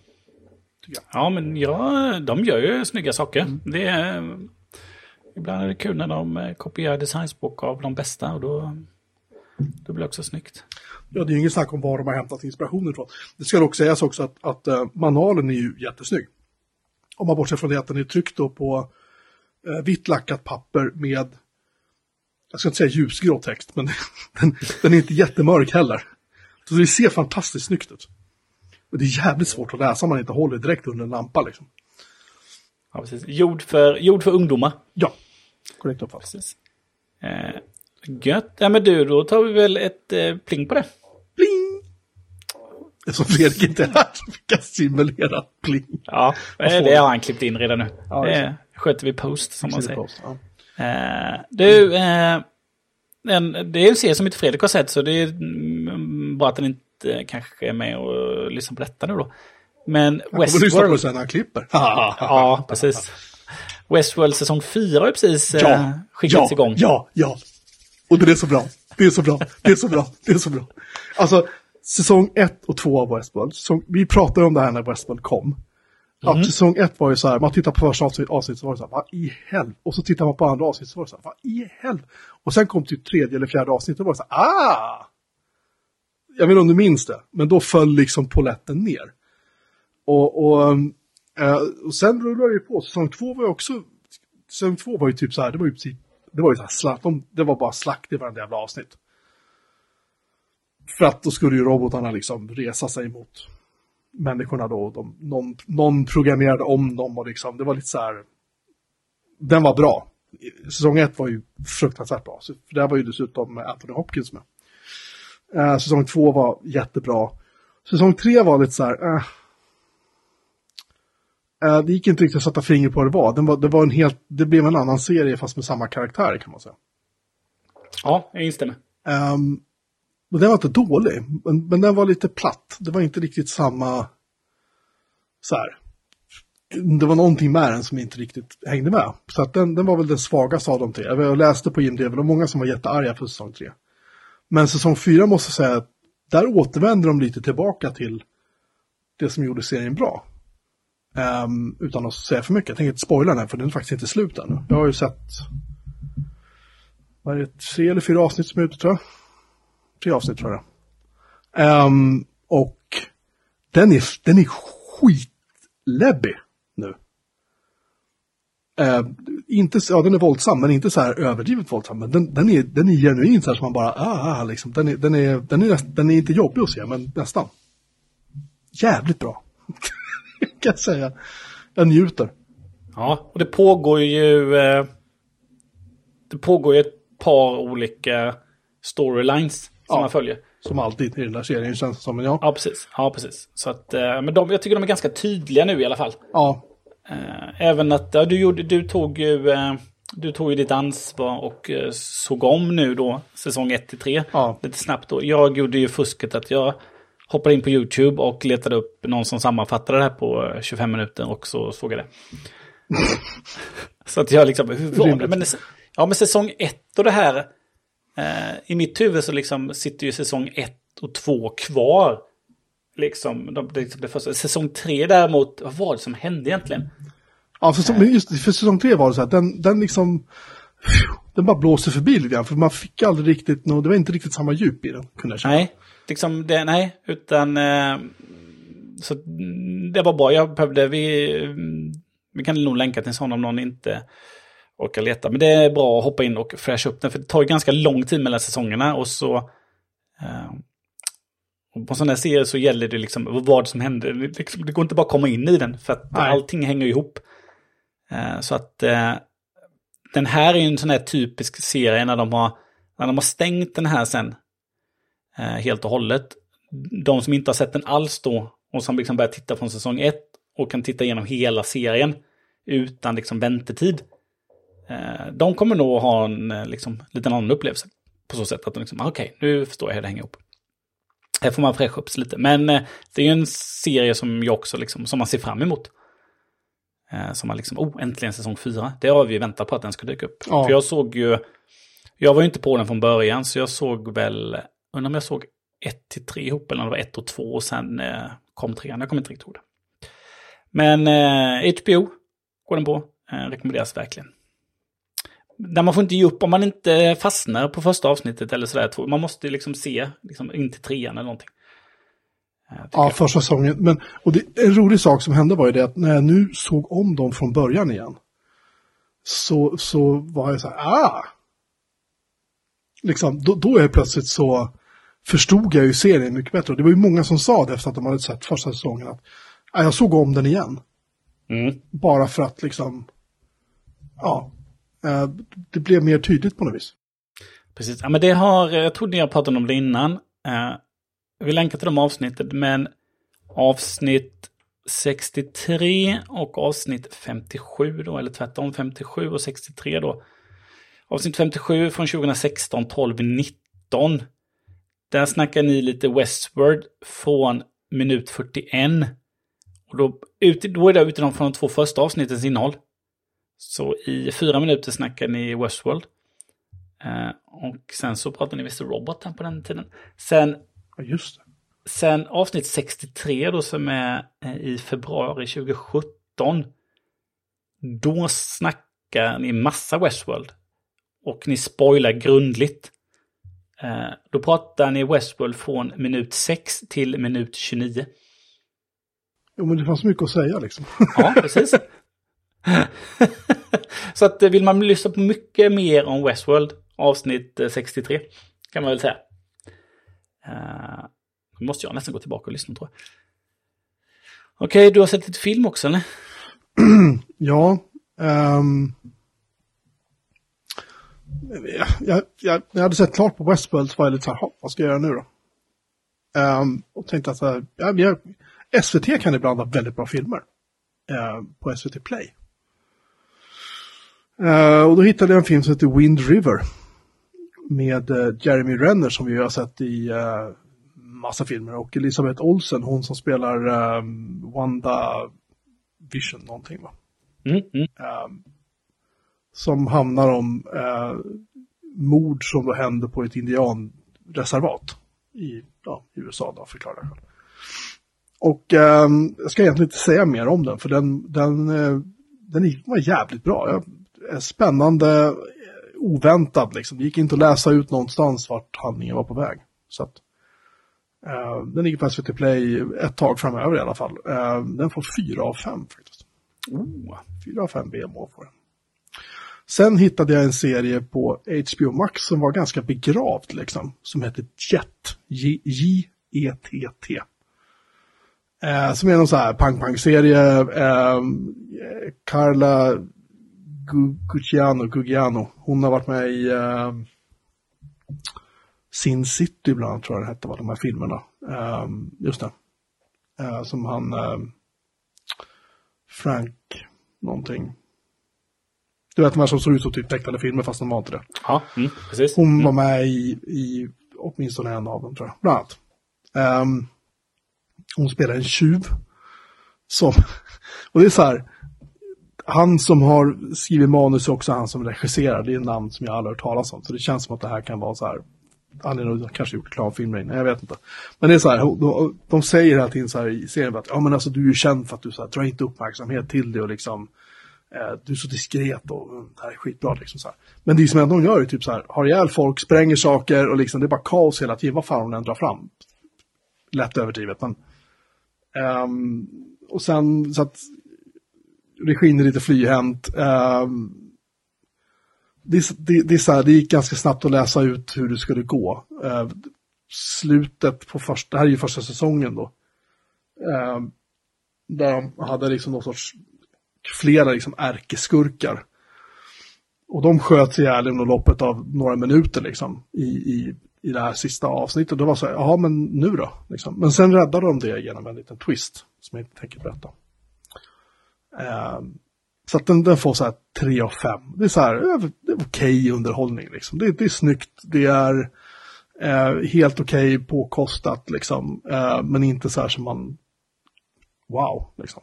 Men, men ja, den funkar som någon sorts sitta och slötitta underhållning skulle jag säga. Mm. Sen kommer det serier som både du och jag har sett nu, snabbt som ögat. Ja, vad gör man inte för sina lyssnare?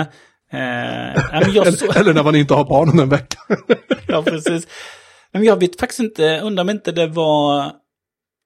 Undrar om inte det var den gode Edvard af Sillén som tipsade om den på sociala medier. Och var det den där han dök upp? Men då dök eh, The Terminal List eh, upp eh med Chris Pratt. Den finns på Amazon Prime. Eh, de gör ganska mycket eh, den typen av action-thriller på Amazon nu. Eh, men Chris Pratt är ju, för mig är han ju känd från de här Marvel-filmerna. Guardians of the Galaxy. Ja, det är där han har varit med. Ja, ja, ja det är ju han ju för fan, just det. Ja, ja. Just det. Eh, sen har han också varit med i de här senaste Jurassic-filmerna. Eh, där han är en sån här, eh, jag tänker säga han är en dinosaurieskötare då. Eh, där har han också varit med. Eh, men det är väl de, eh, det är väl de filmerna som jag eh, förknippar med honom. Eh, på senare tid skulle jag säga. Men han dyker ju upp då som en, en CIA, nej, han dyker upp som en Navy Seal. En Navy Seal snubbe som leder en pluton, om det nu heter pluton där också då. Men han kallas för Commander i alla fall. Ja, just det. Av alla. Det är som Carl Hamilton ungefär. Var inte han någon sorts... Ja, fast han var ju högt upp. Han är, ja, ja, han är ju ja, han är hög upp. Det kanske han ja. ja, och Carl Hamilton arbetar bara ensam. Men han är en, en sil i alla fall. Eh, tuffa pojkarna i, i flottan. Eh, men han, eh, han, han, är ju... Eh, han är på ett uppdrag. Eh, och nu kan vi spoila vad som händer i början då, för då dör ju alla hans alla kompisar dör, han blir ensam räddad. Och sen så, han fick en hjärnskakning och sen så är ju hans minne och liksom verklighetsuppfattning lite, liksom, lite konstig. Och Eh, för han, de är där nere för att ta ut, eh, ja, man kan säga en bin Laden typ, med någon som tillverkar kemiska vapen tror jag det var. Men en bin Laden typ där nere i Mellanöstern någonstans. Och så eh, eh, blir de ju liksom eh, blir de ju uttagna istället då. De blir, blir, hela plutonen dör, han räddas. Eh, och sen så spoilar vi det nästa också då, att även hans familj dör, fru och barn. För allt detta hände i första avsnittet. Och då, eh, då tycker han ju sig se en, en komplott då. Eh, mot det som har hänt då, kan man säga. så att där, där tar den eh, liksom sitt avstamp då. Det är en serie, det är åtta delar. Eh, då gräver man ju såklart lite i den. Den, uh, den bygger ju på en bok som heter eh, samma sak, The Terminal List. Eh, som är skriven av en snubbe som heter Jack Carr. Och han är en för detta Navy Seal, som jag förstår det. Mm. Eh, så är det. Eh, och eh, då är det ju som så, då tänker man, ja, för den här, eh, ändå vi har ju sett hela säsongen. Eh, och han har ju faktiskt skrivit fler böcker om den här James Reese då. Så att den här Determinalist kom ju... Eh, Determinalist kom 2018. Och sen har han släppt fyra böcker till. Mm -hmm. I den här serien. Så att eh, det finns... Eh, redan nu så finns det, det är upplagt för minst fyra säsonger till. Så han skrev, släppte en bok 2018, nästa 2019, tredje 2020, fjärde 2021, femte 2022. Så han har legat i. Eh, sen så fick den ju inte så bra eh, betyg eh, på eh, av kritiker tror jag. Nej, precis. Går man in på Rotten Tomatoes så får den 95% audience score. Men kriti eh, critic rating då, tv-kritikerna ger den 40%. Eh, var på eh, de som producerat filmen då, jag vet inte om det var han själv, eh, Jack Han var ju producent. Som, äh, han, han, är, ja. ja. han är medproducent och det är även eh, Chris Pratt är också producent. Men han har ju varit med och eh, han är ju, har varit med under filmen och det är ganska många eh, liksom, liksom militärer och ex-militärer som liksom finns med i, i produktionen och i filmen för att liksom göra det så verkligt som möjligt. Eh, för det är, ja, det är lite blodigt och lite blött och det har inte varit några enkla inspelningsdagar kan jag tänka mig. Eh, men eh, han har i alla fall, jag tror det var han som gick ut och kommenterade att eh, ja, men jag bryr mig inte om tv-kritikerna, jag gör ju den för tv-tittarna. Och de gillar ju den. Eh, jag tror inte det, det, har kommit ut någonting om att det ska bli en säsong två. Det brukar alltid dyka upp ganska omgående, men jag vet inte om, det, om den är gjord Om det. Men jag menar, säsong ett har ju ett slut, så det är inte så att det är några, några jättestora cliffhangers och sådär som att som man blir irriterad om det, den hade lagts ner. Utan den har ju liksom... Jag tror de har varit, jag har ju inte läst boken såklart, men jag tror de har varit boken ganska trogen och eh, liksom avslutat eh, eh, gjort en avslutning och så, ja, det finns öppningar för att göra en säsong två, men eh, liksom trådarna stängs, kan man säga. Skulle jag säga. Men jag tycker den... Eh, jag blev, eh, jag liksom blev fast i den. Och ganska glatt överraskad och tyckte, jag är lite svårt att se, jag är lite svårt att se Chris Pratt, han är ju liksom en, en skämtare i Guardians of the Galaxy. Det är ju en sån karaktär. En liksom med mycket, mycket skämt och underhållning i den karaktären. Men eh, efter efter två avsnitt så tycker jag han var ganska övertygande om de här, eh, de här problemen han har med sin... Uh, med den, utan att spoila då med lite konspirationsteori och uh, lite, en hjärnskakning och den lider av ju. Lite jag tycker han var ganska övertygande. Ja, jag går runt om huvudet i, i åtta avsnitt. Uh, så att jag skulle nog ge den en, en, en tre och en halva. Skulle väl jag tycka att den skulle få. Jag, jag, jag håller med dig i mycket du säger. Jag tyckte att den var... Uh, alltså det, det, var ingen dålig tv-serie. Det ska jag säga. Men det jag, jag, jag, för jag pingade ju dig via, via Messages och skrev så här, mm. nu har jag sett första avsnittet så här. Uh, jag ska se om jag kan hitta vad det var jag skrev. Uh, och nu kommer vi ju, jag vet inte, ska vi risken är att vi måste spoila för att kunna prata liksom. Ja, men det kan man Um, eh, göra lite. Då får man, uh, får det nu så är det spoil och uh, vill Ja. man inte lyssna så hoppar man över. Spoiler, spoiler-tutan kommer nu. Eh, det, det jag skrev så här, reflektioner efter, från första avsnittet med Chris Pratt, skrev jag. kommer inte ihåg vad serien hette. Eh, killen tog inte livet av sig efter uppdraget i sin lägenhet. Eh, långhåriga killen på båt, båten är shady as fuck. Ja. Ehm, och, och det gick liksom att läsa ut direkt. Eh, tycker jag att den här långhåriga stubben var, han var så här. Han bara, de kallar varandra så här, "Oh, brother, kallar varandra för bröder, broder hela tiden. Och det är så här direkt så här, det kändes lite påklistrat. Det var någonting med hans uppsyn som kändes lite oärlig. Jag vet inte vad det var, men det gick att läsa ut direkt liksom. Och sen tyckte jag på något sätt att det gick ganska lätt att kunna läsa ut var film, eller var serien var på väg handlingsmässigt. Det var liksom inte så här supermånga överraskningar. Den största överraskningen tyckte jag var att hans familj blev mördad. Ja, Eh, eh, det, ja det, det jag tror de skulle vilja ha, eh, det, det jag tror de skulle vilja då skulle vara den största överraskningen då. Eh, för oss tittare då, men som liksom inte blev eh, kanske jättelyckad då, det var ju då att, eh, eh om vi nu ska spoila ännu mer då, så är ju, det är ju en konspiration eh, som, som pågår då. Det är som att de, de testar ju ett, eh, på den här silgruppen har de testat ett, eh, ett icke godkänt läkemedel för att Ja. hantera krigstrauma då. Så i grunden och botten så vill de, eh, vill de liksom hindra posttraumatisk stress eh, hos soldaterna eh, helt enkelt. Och eh, då testar de det på den här SIL-gruppen och, och de utvecklar ju tumörer och för att helt enkelt skydda investeringen då som där det finns lite finansmän i bakgrunden då, så har de helt enkelt ihjäl den de här silarna då. Men tyvärr så överlever Chris Pratt då. Eh, och eh, liksom, eh, det hela handlar ju om att eh, oskadliggöra honom egentligen då. Eh, men det jag tror de skulle vilja då är som att det, vi misstänker ju direkt, eh, man gör ju det när han sitter och träffar sin kompis på båten då, som han har liksom eh, känt sedan jättelänge. De har tränat ihop och han är ju en CIA-snubbe nu för tiden då. Bara Men det, då, bara det men, liksom.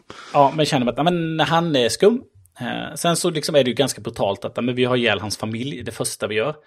Eh, och de ser han ju sen hela tiden. De är ju med genom hela serien, varenda avsnitt. Eh, och han hallu- hallucinerar ju och ser dem ganska ofta och minns tillbaka. Mm.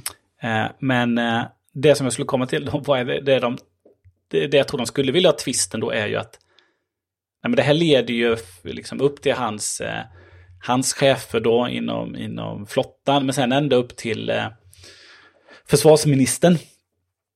Eh, och eh, det som de då ska göra twisten på är att men hon, hon är ju ja, på ett sätt skyldig, men har inte tagit emot massa pengar för detta, utan hon har godkänt, eh, hon har godkänt försöken av liksom humanitära skäl, för hennes pappa liksom var ju en, var ju en, en eh, Vietnamveteran som kom tillbaka helt förändrad då. Så att eh, det är ju liksom, hon vill ju rädda soldaters liv med den här medicinen.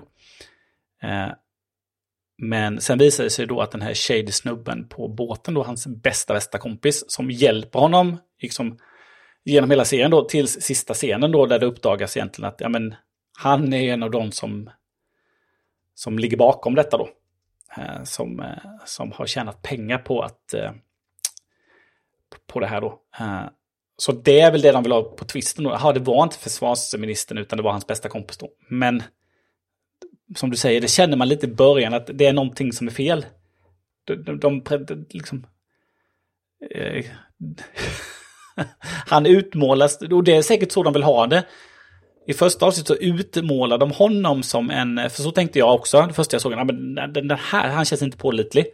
Och det är Nej. säkert kanske så de vill ha det kanske. Eh, och sen då så under seriens gång så, nej men, nej, men det var ju inte han. han är, de står ju bakom andra, de är liksom axel vid axel hela tiden, fast han kanske inte vill. Och tycker de inte ska göra det de gör, så ställer han alltid upp till sista, sista eh, blodsdroppen. Eh, men sen så visar det sig ju ändå att, då att eh, nej, men han var ju ändå inblandad då. Eh, så att ja, man, man får ju, det, det, det man tänkte i första avsnittet får man bekräftat i sista scenen kan man säga. Mm. Eh, men däremellan så släpper man ju lite de tankarna att det var inte så. Men sen när det kommer tillbaka så, ja, det var så ändå. Så att antingen så kan man tycka att ja, men de, de gav iväg det för tidigt eller så ville de ge iväg det för att vi sen skulle släppa det och sen så komma tillbaka dit. Men det gick, på slutet så gick det ju att eh, när man då snabbt kom fram till, när de avslöjade egentligen då att men det är ju inte försvarsministern då, för det var ju ganska, då fattade man ju att det var han.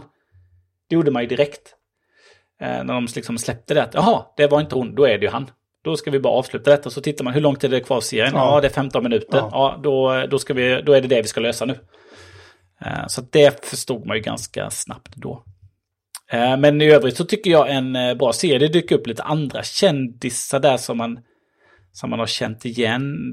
J.D. Prado dyker upp eh, eh, som en eh, som skådespelare. Han har ju varit med och spelat uppföljaren till den motorcykelserien. Ja, Sons of Anarchy då? Ja, precis. Uppföljaren till den. Jag har inte sett någon av dem. Nej, Eh, jag har sett något avsnitt av den. Majens MC heter den. Den är uppföljare då i samma. Där dyker han upp som huvudpersonen. Eh, så han dyker upp. Eh, sen har vi ju han som äger Paul McCrane. Han är ju en sån här skön bil, birollsinnehavare. Som har varit med, varit med länge. Han har varit med, var ju med i Robocop bland annat. Ja. Eh, de första Robocop. Eh, back in the day, så han var med i 24-serien. Han var med, och han var med ja, men det var ju han som spelade företagsägaren. Just det, jag tyckte jag ja, kände igen honom. Precis, och han var med i ER. Eh, Just det. Eh, liksom, eh, som en, en läkare där, back in the days. Just det. Så att han är en sån här som, oh, det är, är den gamle det var jättekul, för jag, jag kände igen honom. Och jag tänkte så här, ah, är det? Mm. jag kunde inte sätta fingret på det riktigt. Men... Nej, kunde, man kan inte riktigt placera honom. Eh, men eh, jag kände igen honom eh, väldigt väl. Men det tycker jag nu, ni som har lyssnat på detta kanske inte ska se det, men ni som inte lyssnar så här långt. Eh, ja, jag tycker det, var, jag tycker det ändå var en bra serie. Eh, Amazon Prime. Eh, eller valfritt annat ställe som man kan se serier på. Jag, jag, jag tycker att um, jag tycker vissa av avsnitt, alltså det, det är så att den, den, är ju påkostad. Jag, jag, tycker om att prata om liksom hur mycket man, om de har liksom lagt ner, mycket värde i den. I form av liksom, hur ser det ut? Är det välgjort? Är det, på, alltså, är det som i första säsongen av, av uh, For All Mankind där man ser att CGI-effekterna är så här, det här är jävligt billigt liksom. Men här tycker jag, framförallt när han ska uh, ta ihjäl den här, han som är vd för företaget, den här killen som är stor och muskulös och ser ut som han är jävligt badass men i själva verket blir jättekissnödig så fort det börjar panga liksom. Ja. Eh, typ spränger hans jävla bil med någon riktad projektil mitt inne i stan. Det är så här, det var en bra smäll liksom. Det är så här, det där var snyggt gjort liksom. Det, det är mycket sådana grejer som är snyggt gjorda. Det, det, är väldigt mycket vapenporr i den här filmen, det kan man ju säga. Gillar man så här extremt onödigt stora gevär med kikarsikte på sig. Det här är en serie man ska se. Men med det sagt, liksom, produktionsvärdet är, är jättebra. Eh, den är snygg, den är liksom välproducerad så, det är liksom inget snack om allt det här. Men jag tyckte att det blev, för mig, alltså, jag tyckte, jag, jag, kunde se ganska snabbt vad handlingen var på väg. Och till slut så blev det som att i det avsnittet ska han ha ihjäl den här personen. Och sen ska han ha ihjäl den här personen. Och så ska han ha ihjäl den här personen. Det blev ja. liksom lite så här, han kunde ha pågått i sex säsonger med att hitta på nya personer han skulle ha ihjäl i princip. Om det inte var så att han ja, hade en hjärntumör och skulle dö i princip. Ja, precis. För att, eh, för att eh, det, är ju, det, det, är ju det, ja, det är ju namnet då. Han gör ju en lista helt enkelt. Ja. Eh, och det som man kan tycka då är lite intressant också är ju att eh, han, han förlorar fru och barn så att han tycker att men, eh, det finns ingenting att leva för. Så att han är ju inte intresserad. Han, han jobbar ju då med, tillsammans med en journalist också. Ja, den, den, den rollen kändes inte, den landade inte hos mig. Nej. In, inte för att hon var en dålig skådis, men det, var, det bara blev så här. Ja, nej, samt, liksom. nej, För samtidigt då som, eh, som han, han jagar då eh, de ansvariga då bakom eh, liksom, hans familj död då. Det är det han fick göra då. Eh, så gräver ju en journalist i detta då. Så på något sätt så, så, så samarbetar de ju lite då. Eh, och ibland inte då. Men eh, han eh, istället då, och samtidigt då så är det ju en FBI-agent som, som jagar honom då, för han blir ju liksom, han blir ju en, eh, samtidigt som de utreder eh, hans eh, brottet på, på, eller mordet på, på hans fru och barn då, så har de ju honom som, eh, som misstänkt då. Och sen till slut så blir han ju klassad som en liksom, terrorist då, när han börjar döda folk. Men det som jag skulle komma till var ju där också att eh, istället för att han låter rättvisan ha sin gång då, så säger han ju liksom, ja men jag är ju rättvisan. Så att alla som har tjänat på, eh, på något sätt tjänat på att eh, min fru och barn dog, ska dö. Eh, så det är hem då. Så att det, man, det de försöker nog jobba lite också är liksom, är Chris Pratt, eh, eh, eh, James Reese här en, en good guy eller bad guy? Ja, och de gjorde det bra. För att när jag hade sett klart första avsnittet tänkte jag så här, den här, och tänkte jag så här, det här kommer bli en jobbig serie. För nu kommer han att gå runt och så här, leva i sin egen värld och han kommer att se saker som inte finns och liksom det. Han kommer att bara skjuta åt höger och vänster och bara panga ihjäl varenda jävel han ser som han tror är farlig och så visar det sig att han, han är spritt språngande galen. Det, det, var, det var liksom första avsnittet. Och sen när jag hade sett andra avsnittet då var det som att, ah, han har ju rätt liksom. Um, så att det, det, det gjorde de snyggt tycker jag. I de det var liksom jävligt välskrivet. Men därefter sen så blev det ganska linjärt. Förstår du vad jag menar? Att de liksom, de hade kunnat mala på som sagt i fyra säsonger med att han bara sprang ut och hämnades på alla han tyckte hade gjort honom en ofrätt i livet liksom. I någon form. Så jag vet inte, jag, den, det är en bra serie, det är en snygg serie, den är underhållande. Sådär, men det är liksom, jag säger samma som dig, den får 3,5 av 5 i betyg. För att det är den värd, liksom, men definitivt inte mer. Det är nästan så att det är åt en trea för mig. Ja, och det som höjer den lite är tycker jag att, eh, att, den är, att den ändå är välproducerad. Mm. Eh, liksom det, de, de, den här karaktären, liksom, man tycker att han går över gränsen. Eh, och eh, han liksom, han, han sparar inte på någonting och eh, han har ihjäl liksom, det är inte så att han... Liksom, alla de som försöker skydda de här personerna, eh, livvakter etc. De, eh, de kan få headshots. Men eh, i övrigt så, så ska de andra... Liksom, de ska veta vad som händer och vem som, vem som ligger bakom. Mm. Vilket gör att det ska vara närkontakt då. Så att där sparar de inte på någonting. Och det... det, det, det ja, det, på så sätt kan det ju vara... Eh, det är kanske inte någonting man tittar på med sina sin, sina tioåringar kanske. Nej. För det, det är liksom en, en, sån typ av, en sån typ av våldsfilm då jämfört med kanske Star Wars då, eller Marvel som är lite på, på ett annat sätt. Eh, och sen just det där tycker jag de är duktiga på. Det tycker jag var en frän effekt då, eftersom att han, han kan vara i en situation. Eh, och sen då så eftersom att hans hjärna inte fungerar då, eftersom att han har fått den här tumören då, så, så kastar han ju tillbaka i minnen som inte riktigt funkar. Nej. Och när han kastas tillbaka i minnen, och jag kan tänka mig att bok, i bok är det väldigt lätt för då, liksom, då börjar man beskriva det minnet. Men det är de gör det i film då. Eh, så då, då istället bara för att man liksom klipper över till, till ett minne. Eh, för de klipper ju ganska mycket över till krigsscener. Dels den scenen som är liksom i början då när de, mm. eh, de, de blir ambushade. Men även då med hans familj och sådär. Och lite annat. Men istället då för att bara klippa över till det och kanske lägga på någon effekt på det som man förstår att ja, okej, det är ett minne. Så, så låter de ju honom, liksom, eh, där han är, i den scenen han är som exempel då, han är ute i skogen, det regnar och sen så, så, så, liksom, så ser han sin familj. Och då är ju de ju med honom i den skogen. Mm. Eh, och sen så klipper de tillbaka då när han kommer tillbaka då, när, liksom, när det snäpper till i hjärnan när han är tillbaka. Eh, så just att de sätter hans karaktär i, i liksom, är, han blodig och blöt så sätter de det i, sätter in honom i minnet då. Mm. Där han är lika blodig och blöt i det minnet mm, då. Mm. Så att han, liksom, han finns i minnet. Det tycker jag de gör riktigt snyggt. Det är, liksom en, det, är en, det är en bra effekt och den har nog säkert tagit ganska mycket tid och kraft att liksom göra de scenerna då. För att få det så pass bra då. Jag nog tänkte på två saker. Det första är ju i, när de är i, i den här, de här kloakerna och de springer över den här snubbeltråden och drar ur då sprinten ur handgranaten eller vad det är för någonting. Ja. Det klingande ljudet från den här sprinten åker ut. Den är under vatten. Det kan inte låta så. Kling, så här helt tydligt som att det hade hänt. Som det jag inbillar mig att det låter ovanför vatten.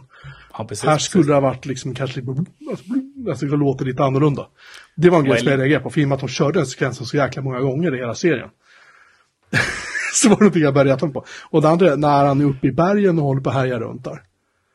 Ehm, de har lånat jättemycket från den första filmen om Rambo, First Blood heter den.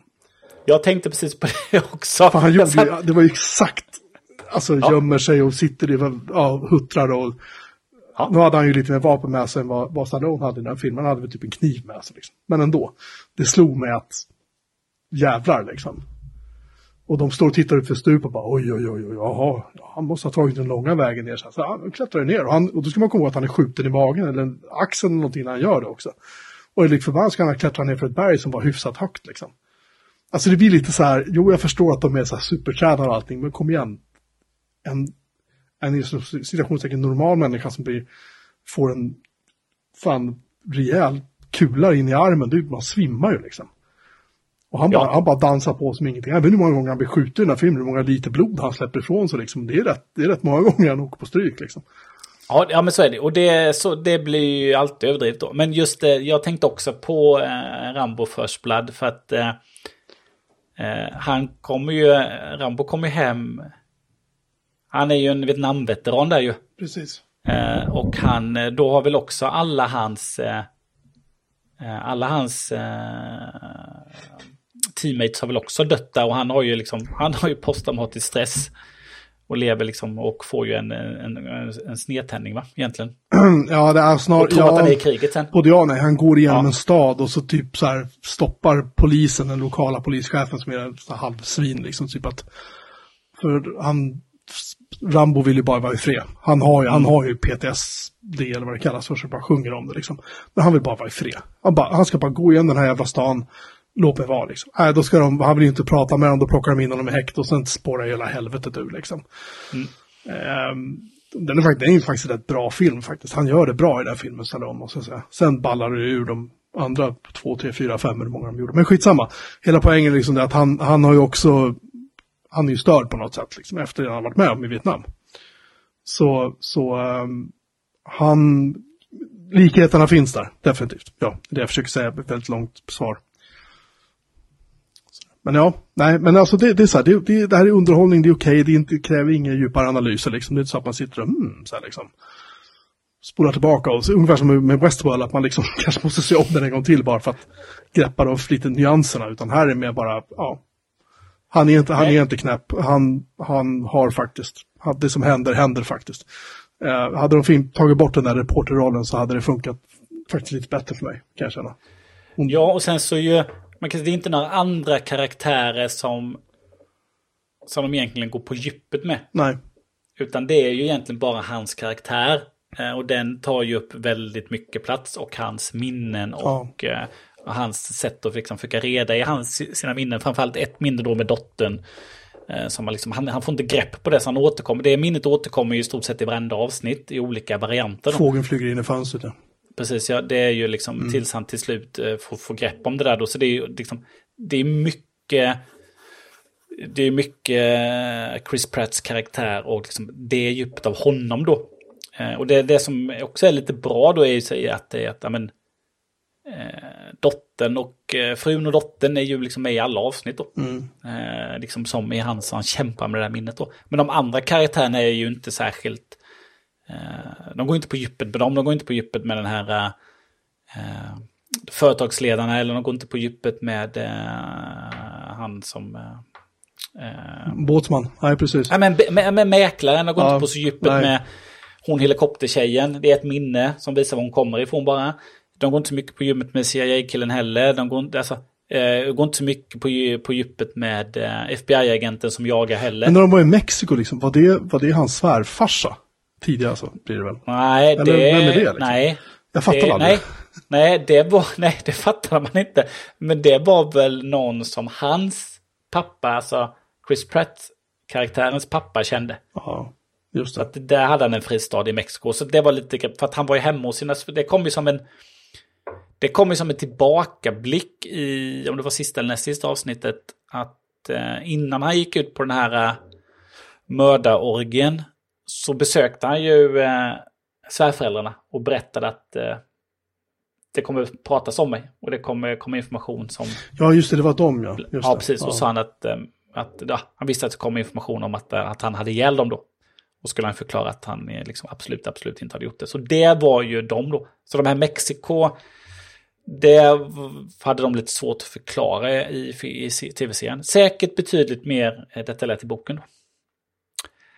Men eh, som jag förstår det, som det jag har läst, läst så är de ganska väl trogna tror jag med boken tror jag.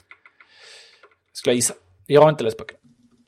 Nej, inte jag heller. Jag tror inte att jag kommer att göra det heller faktiskt. Nej, det kommer jag inte att göra, utan jag kommer se säsong två när den kommer sen. För att det är en trevlig underhållning när barnen inte är och tittar på. Helt enkelt. Eh, nu har vi spoilat mycket om eh, The Terminal List. Säsong 1 finns på Amazon Prime, Ja. 3 till 3,5. Ja, det kan vi säga. Det är rimligt. Ja. Ja. Eh, Och det var väl vad vi hade så här två timmar in.